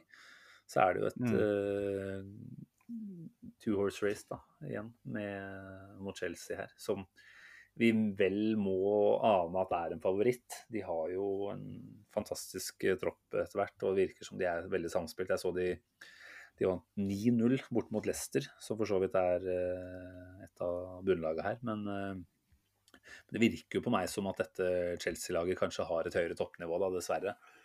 Så, um, men at, men at han, Ja. Jonas Eidevold, som heter, at treneren har kommet inn og nå i debutsesongen sørger for at man hevder seg ordentlig både i hjemligliga og i Europa, det, det er sterkt i seg selv. Og de har gjort et, eh, et slags eh, sånn kortvarig forsøk nå, når man henter inn noen ganske store navn. Da er vel eh, bl.a. hun amerikanske Tobin Heat, som jo er en superstjerne. og Nikita Paris eh, har jo også gjort mye utover i en lang karriere etter hvert. Eh, ingen av de spiller vel veldig mye. Jeg syns jo det er andre navn som går igjen i de oppstillingene jeg stort sett får med meg. Så det høres ut som han er eh, fokusert på at kollektivet skal funke, og det, det ser ut til å ha gjort ganske bra. Med bl.a. Frida Månum da, i en ganske sentral rolle sesongen gjennom, selv om hun også vel har måttet finne plassen sin på benken noe oftere i det siste. Ja, nei, Det virker som en veldig god og brei, brei stall. Eh, stort kvalitetstegn, og Arsenal Women har jo et, en stolt historie. og Med tanke på at Chelsea etter hvert eh, kanskje sliter med å betale både strømregning og flybensin, så, så kan det jo hende at, eh, at det blir tøft for kvinnene òg. Det, det har blitt investert eh, ganske mye der òg. Men eh, du ser jo litt sånn som du ser i Norge nå, at det, det er de derre merkevarenavnene som Mm. dukker opp på tabellen etter hvert. Eh, det er liksom det er Chelsea, Manchester United, Manchester City, Tottenham. Eh, før så var det jo ikke sånn. Da var det jo Arsenal en av få av de storklubbene som hadde, hadde Og det er bra for så vidt, da, for det, det, blir, en, det blir en fight. Så etter hvert så, så håper jeg jo at interessen for kvinnefotballen tar seg enda mer opp. Og klart, vi, vi har jo på sett og vis kan man si et lite ansvar der. og det er jo ikke noe vi på en måte er, er blinde for det. Og vi vet jo at det er mange som sikkert skulle ønske at vi hadde snakka enda mer, eller mer om, om det damelaget her. Men så er det som du sier, da, at eh, hvis vi skal gjøre det, så skal vi gjøre det skikkelig, da. Og Det er riktig poeng. Altså. i, i, mitt, uh, i mitt liv, rett og slett, så er det dessverre ikke sånn at jeg får dytta inn tid nok til å følge godt nok med på det.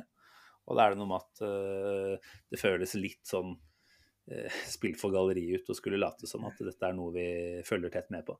Så det får heller bli en sånn eh, ting som vi vender tilbake til når muligheten er der, og vi faktisk har fått brukt noe tid på det, da. Og så, så er jo det selvfølgelig noe vi kan vurdere litt uh, framover, vi også, Magnus, om det er noe vi skal jobbe enda hardere for å, for å sette av tid til. Men eh, hverdagene våre, de, de er allerede ganske fullpakka.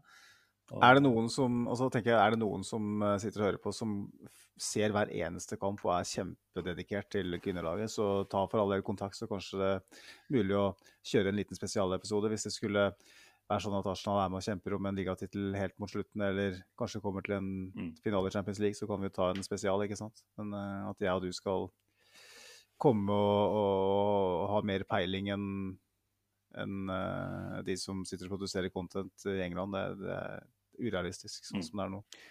Ja, men Det er et bra shout. Ja. Altså, hvis det er noen som faktisk sitter og er ordentlig ordentlig investert i dette her, så, så ville jo det vært veldig interessant å kunne ha med aktuell person som, som gjest her. Det, det hadde vært en berikelse, det. altså. Og det er jo, når du sier det selv, vi får, må jo på en måte håpe at, eh, at eh, fokuset fortsetter, at uh, damefotballen vokser.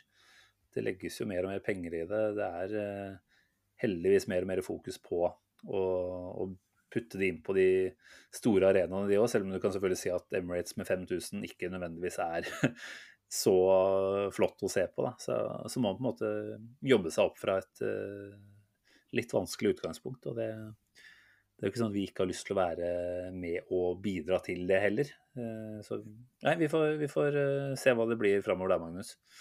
Men eh, først og fremst eh, lykke til videre til, eh, til Arsenal Women resten av sesongen. Det er jo bare fem matcher igjen for Arsenals del her. I, i Ja. ligaen, vel å merke.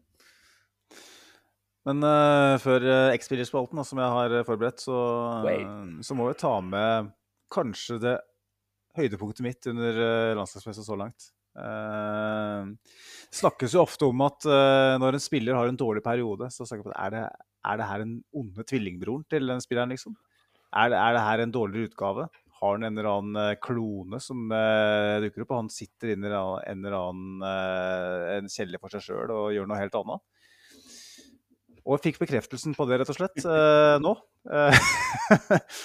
Thomas Partey er vel på landslagssamling nå med Ghana. Og Simen, du kan jo ta oss gjennom det videoklippet som, eh, som dukka opp på Twitter i går, var det vel? Ja, nå har jeg jo bare sett det én gang, da, for så vidt. Eh, Og du trenger jo ikke å se det mer for å se at det er en ti av ti look-alike. Altså, I hvert fall når det kommer til ansikt. Det var helt ekstremt hvor like de er. Eh, Jeg regner jo med at dette er en som faktisk jobber hardt for å se lik ut. òg. det var jo en, en skjeggfrisyre som var akkurat like godt eh, klipt, maskinert, som det Party har selv. Så jeg vet ikke om du på en måte kan eh, bekrefte det, at dette faktisk var en som eh, aktivt jobba for for å ligne. Det regner jeg nesten med. Det aner jeg ikke, men eh, det er jo ikke en uvanlig greie, det. Eh, Nei. Det er mange som har eh, Det fins jo folk som har eh, rett og slett eh, hatt det å være Beckham lookalike som et, li et levebrød. Jeg kjenner, faktisk en, jeg kjenner faktisk broren til en av de som har gjort det. Han Ja, levde ja. av å være lik Beckham. Eh, Nå har ikke Thomas Party en David Beckham, men eh, det er klart i Ghana så har han en stjerne. Så eh, jeg vil tro at det er noe han gjorde Dette er noe han gjør daglig. daglig. Nei, altså Ti av ti, altså likhetsrekkene her er skumle, faktisk. Og da vi sleit med en Thomas Party litt ute av form og med litt skadeproblematikk i starten, så skal du ikke se bort ifra at det var lookaliken som steppa inn og, og tok noen eh, matcher der før, eh, før originalen da på en måte har kommet ordentlig fram i all sin prakt nå de siste ukene. Nå er det ikke noe tvil om hvem som er eh, ute på Emirates-matta og regjerer, men, eh, men når du liksom tenker på det, han, han, ser jo litt større ut nå ute på banen enn det han gjorde for noen uker mm. tilbake. Om det er selvtillit, eller om det faktisk er fordi det er de 20 cm i forskjell mellom de to her, det, det veit jeg ikke, altså. Men uh, imponerende. Og det så ut som Thomas Barty selv syntes det var jævla morsomt, da. han elska det. Uh, vi kaller det fire av ti-partyen som uh, var og møtte opp der på landslagssamling. Det var det sykeste jeg har sett for lenge. Og jeg syns det var litt for gøy. Jeg satt alene i stua. Jeg var hjemme alene med dattera i helga, og klokka var ganske mye, så hun sov jo. Og jeg, når det dukka opp på Twitter, da lo jeg høylytt alene i stua her. Det var så gøy. Da tenker jeg, er det her litt for gøy, egentlig? Er jeg litt for trøtt, eller hva er det for noe, liksom? Men jeg syns det er noe av det morsomste jeg har sett. Så for de som ikke har sett det, bare gå inn på Twitter og søk på Thomas Party Lookalike, så, så dukker det opp. Og Thomas Party sier... og Thomas After Party var det vel som var ja. tagga der. Thomas Partly, var det noen som skrev òg. Ja. Uh, jeg tenker, Hvis du er på et kollektivtrafikken eller på trening, treningsstudio, så vent til du kommer hjem. da. Hvis ikke så kan det godt hende at folk snur seg. Det er ikke sikkert alle syntes det var like gøy som deg. da. Jeg, jeg, jeg humra mer enn jeg lo, det skal jeg si, men, men jeg koste meg med det. det var kjempegøy. Ja. Men eh, du var inne på det, Magnus. Vi skal innom eh, ja. dagens viktigste post. Nei, det er det ikke. Jo, det vil jeg si. Jeg tror uh, i hvert fall når du har, du har nevnt et navn til meg, sånn du har hviska det litt i øret mitt uh, gjennom uka, at det, det, det blir et ganske uh, solid hopp tilbake i tid vi skal gjøre denne uka her. Så, så, jeg er jo på en måte nå bare gått og gleda meg til å høre hva du har snekra sammen. Den ordsmeden som du er. Og så kan jo egentlig du bare få take it away når du er klar. Takk for det. Tenk deg at du står utenfor godtebutikken. Gjennom vinduet kan du se kompisene dine fråtse i polkagriser, mens de shotter hockeypulver som om det skulle vært Tequila. Det knaskes febrilsk på evighetskuler, og fingrene er dekket av et sjarmerende lag med ostepulver fra Skistoodles. Der står du, på utsiden. På utsiden av godtebutikken. Prøver å være glad på dine venners vegne. Klarer det ikke helt. Sånn var det kanskje for dagens X-spiller. Så nær, men akk så fjern fra festen. 1930-tallet var en eneste parademarsj for Arsenal. En gullalder.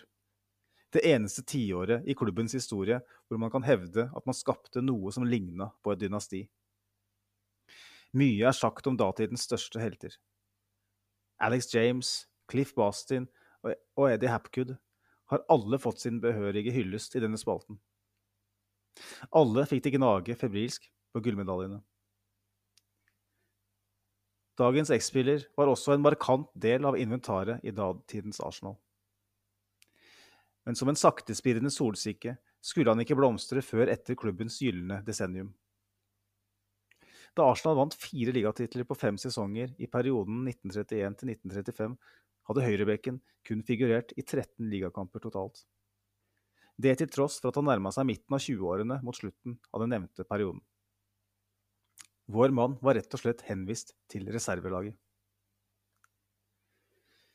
I de påfølgende to sesongene skulle han imidlertid få et lite gjennombrudd. Respektable 27 kamper skulle det bli. Men det var også sesonger hvor Arsenal ikke klarte å, å gjenerobre tronen. Det endte med tredje- og sjetteplass. I 1937-38-sesongen skulle gulltoget igjen komme seg på skinnene.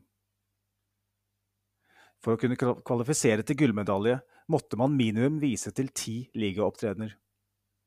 Og hvor mange, fikk, hvor mange kamper fikk dagens X-spiller? Ni. Ni kamper! Én fattig opptreden unna jenkadans i godtebutikken. For femte gang måtte han slukøret bivåne triumferende lagkamerater. De han trente sammen med hver dag.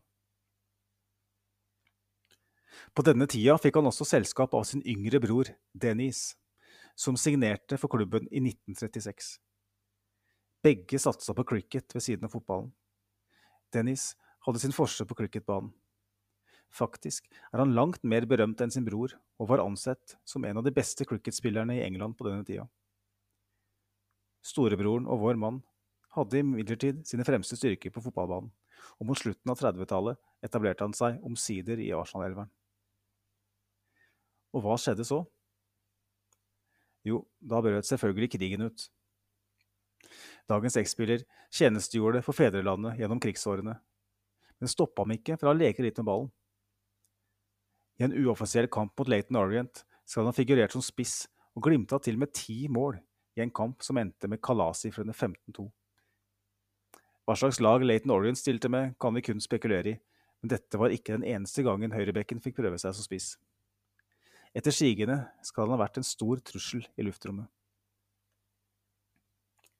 Da krigen endelig endte i 1945, var den målkåte Bekken 33 år gammel. Håpet om å krone en lang Arsenal-karriere med sølvtøy var i ferd med å glippe. Men den saktespirrende solsikken hadde nok av kunstgjødsel å spe på med.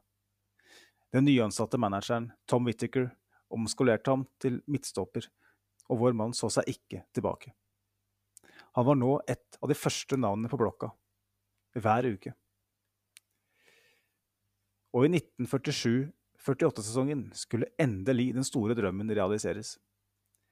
Etter å ha spilt for Arsenal i 18 år og stått misunnelig tilbake på sidelinjen ved fem ligatriumfer, var det endelig hans tur. The Gunners gjenerobra tronen og tok sitt første gull etter krigen.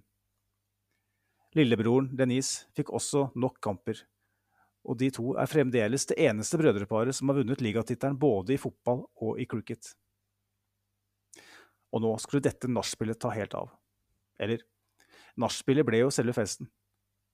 Sommeren 1948 ble han tilbudt kapteinspinnet av Tom Whittaker.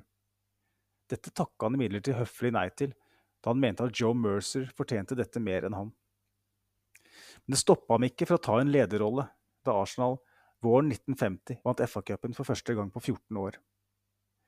I semifinalen mot Chelsea var det broder Dennis som svingte inn corneren som dagens X-spiller stanga i garnet. En skåring som var nok til å sikre omkamp. Arsenal vant omkampen og sikra seg finalebillett til Wembley. Der ble Liverpool nedsabla. Veteranen kunne nå skilte både med serie- og cupmesterskap. Hva var det da som mangla? Vel, den berømte telefonen fra landslagssjefen hadde han gitt opp for lenge siden. Som serie- og cupmester var han uansett henrykt. Men det var da det kima i telefonen. Dagens X-spiller var tatt ut til det engelske landslaget for aller første gang, og det i en alder av 38. Han skulle få sin debut mot Wales sommeren 1950. Han er fremdeles tidenes eldste utespiller til å debutere i engelsk landslagssammenheng. 38 år og 64 dager gammel. To år senere, som 40-åring, la han omsider lærstøvler og brylkrem på mørkeloftet som seriemester, cupmester og engelsk landslagsspiller. Med et av tidenes lengste opphold i Arsenal som spiller. 22 år, 253 kamper og én verdenskrig. Med 272 kamper for Middlesex Cricket Club i tillegg, kan vi ane at det var en sliten og fornøyd 40-åring som la inn årene. Gode ting skjer med de som er tålmodige.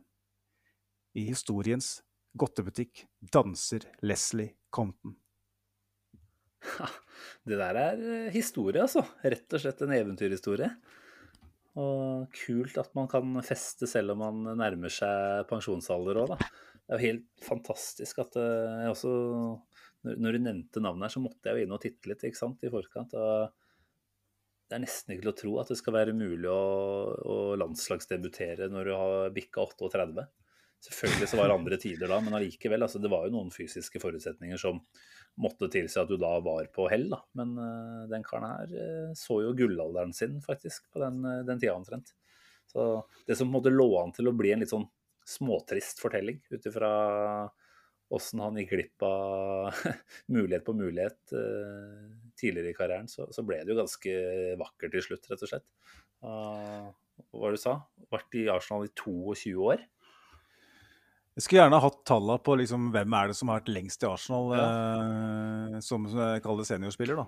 Eh, Tony Adams var vel i Arsenal i 19 år, da, for å ta et eksempel. Mm. Eh, Er det noen som har vært eh, mer enn 22 år? Uh, jeg aner ikke, men det fins ikke noen sånn statistikk eller liste over det. Jeg lette etter det, men uh, åpenbart en av de som har vært lengst i Arsenal som, som spiller. og med tanke på dramaturgien her, så er det jo helt utrolig at han hadde det overskuddet som han åpenbart hadde når han var når han nærma seg 40. Ja, når du i hvert fall, Jeg vet ikke hvor aktiv han var og hvor stor han på en måte var i cricket, men det er klart det å skulle prestere på to idrettsarenaer, det, det krever jo sitt, det òg, skulle en tro. da. Så da faktisk ha så mye bensin på tanken eh, når du, når du nærmer deg den alderen der, det er eh, rett ut imponerende. Være velfortjent at det ble litt godterispising til slutt. ja, det er det. Råkul eh, historie, Magnus. Det er ordentlig kult når du tar disse navnene her som man bare må innrømme at uh, man aldri har vært bevisst på. Rett og slett, altså. Man kan sikkert si at det er flaut, men, men der, skal Nei, det er ikke flaut. der skal jeg ikke være pretensiøs for noe. Altså, jeg er ikke i nærheten engang. Det kan jo ikke være flau over, for uh, hvem i alle dager, med unntak av de som sitter og skriver sånne historieberetninger, har, har peiling på det. Altså, jeg, jeg, jeg visste knapt nok hvem fyren var uh, før jeg tilfeldigvis leste et lite avsnitt om ham for noen uker siden. Mm. Og da tenkte jeg at han her er litt kul å ta for seg. Ja, ja, ja. Og da fant da plutselig så åpenbaret seg en historie som jeg ikke kjenner til. da. For at han er ikke Alex James eller Cliff Basin, som nevnte at det er en, en, fyr som har vært litt sånn i, i, i bakhånd. og mm da er det, det, det som er kult, er at det er faen meg en historie å fortelle omtrent nesten om alle spillere. ikke sant? Alle har en historie, og det er det som gjør den spalten er mulig å fortelle i uke etter uke. da. Ja, finner... Selv om det er noen som ikke Det er alltid noen som ikke har en historie, men uh, utrolig mange historier som kan fortelles. Ja, Du finner liksom fram til det du trenger òg, for å lage den historien så bra som, som den jo blir. Så jeg syns det er helt fantastisk bra levert nok en gang, Magnus. Tusen eh, hjertelig takk skal du ha. Jeg tenkte faktisk litt på at det kunne være et annet navn som skulle opp her i dag. Eh, så ble jeg litt usikker på har Laurent Corgelny vært oppe.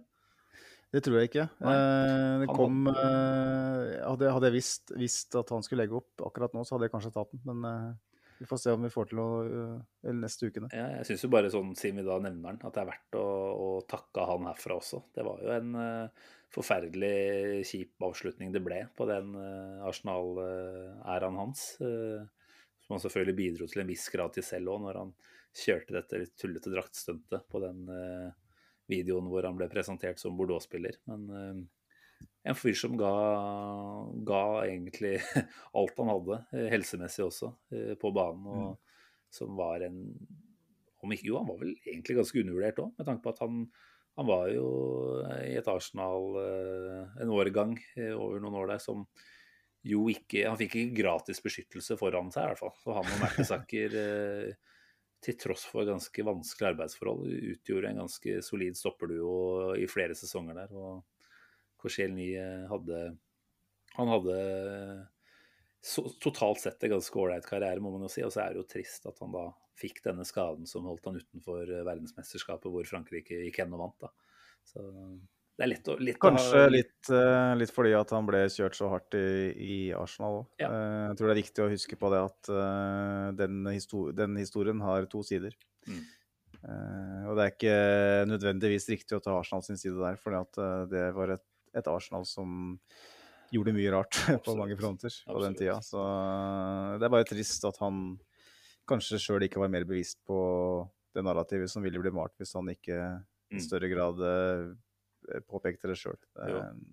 Men i ettertid så tror jeg han kommer til å stå igjen som en, en veldig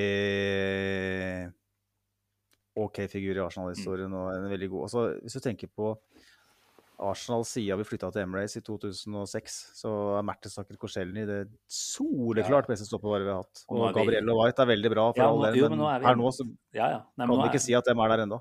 Ja, det kan man ikke, og de må jo prestere over tid. Men vi kan jo i hvert fall endelig begynne å ane konturene av noe som kan, kan bli uh, vel så solid, da. Det er noe å håpe på. Nei, men eh, det tenker jeg er et fint sted å avslutte, Magnus. Nå klarte vi jaggu meg å prate ganske mye lenger enn det vi hadde tenkt i dag òg. Eh, vi er gode på det. Vi klarte ikke å komme innom alle punktene vi skulle. og Neste pod så er vel jaggu meg tilbake Nei, det er vi kanskje ikke. Vi må finne litt ut av det. Vi spiller mandagskamp. Det, det bryter med rutinen. Det blir vanskelig. Det er ikke tilbake på mandag morgen, i hvert fall. Det var veldig, veldig rart. Ikke, ikke tirsdag morgen heller, tror jeg. Så Nei, dette her får vi, vi finne, finne, litt ut av. Men eh, jeg tror vi sier eh, takk for i aften eh, for nå. Og håper du får en fin uke. Litt landslagsbyssanlull har vi jo dessverre måtte stri med fortsatt. Men det får vi bare Vi får bare krysse fingra, egentlig, for at spillerne våre kommer tilbake og er, er helt uten skrammer. Det er jo egentlig det eneste som betyr noe. Og så får alle dere som lytter, også bare nyte kan vi si, en Arsenal-fri uke, med tanke på at det kommer til å bli nervepirrende framover. Så bare bygge opp litt sånn lager i forhold til hva man har å, å komme med av av stress og sånt. Det, det, kommer til å bli slitsomt framover. Det er et godt tips. Den stiller meg helt bak. For nå, nå, nå, kommer det til å ta av snart. Nå skal, nå skal vi ut på karuseltur. Harehjertet ditt er snart tilbake, det, med andre ord. Håper, håper at det kommer til å slå når vi skriver mai. ja, det håper jeg òg. Nei, men bra. Da sier vi takk for følget. Tusen takk til deg som lytter. Det setter vi veldig stor pris på, og på gjenhør om ikke så altfor lenge. Ha det bra. Ha det, ha det. Hei.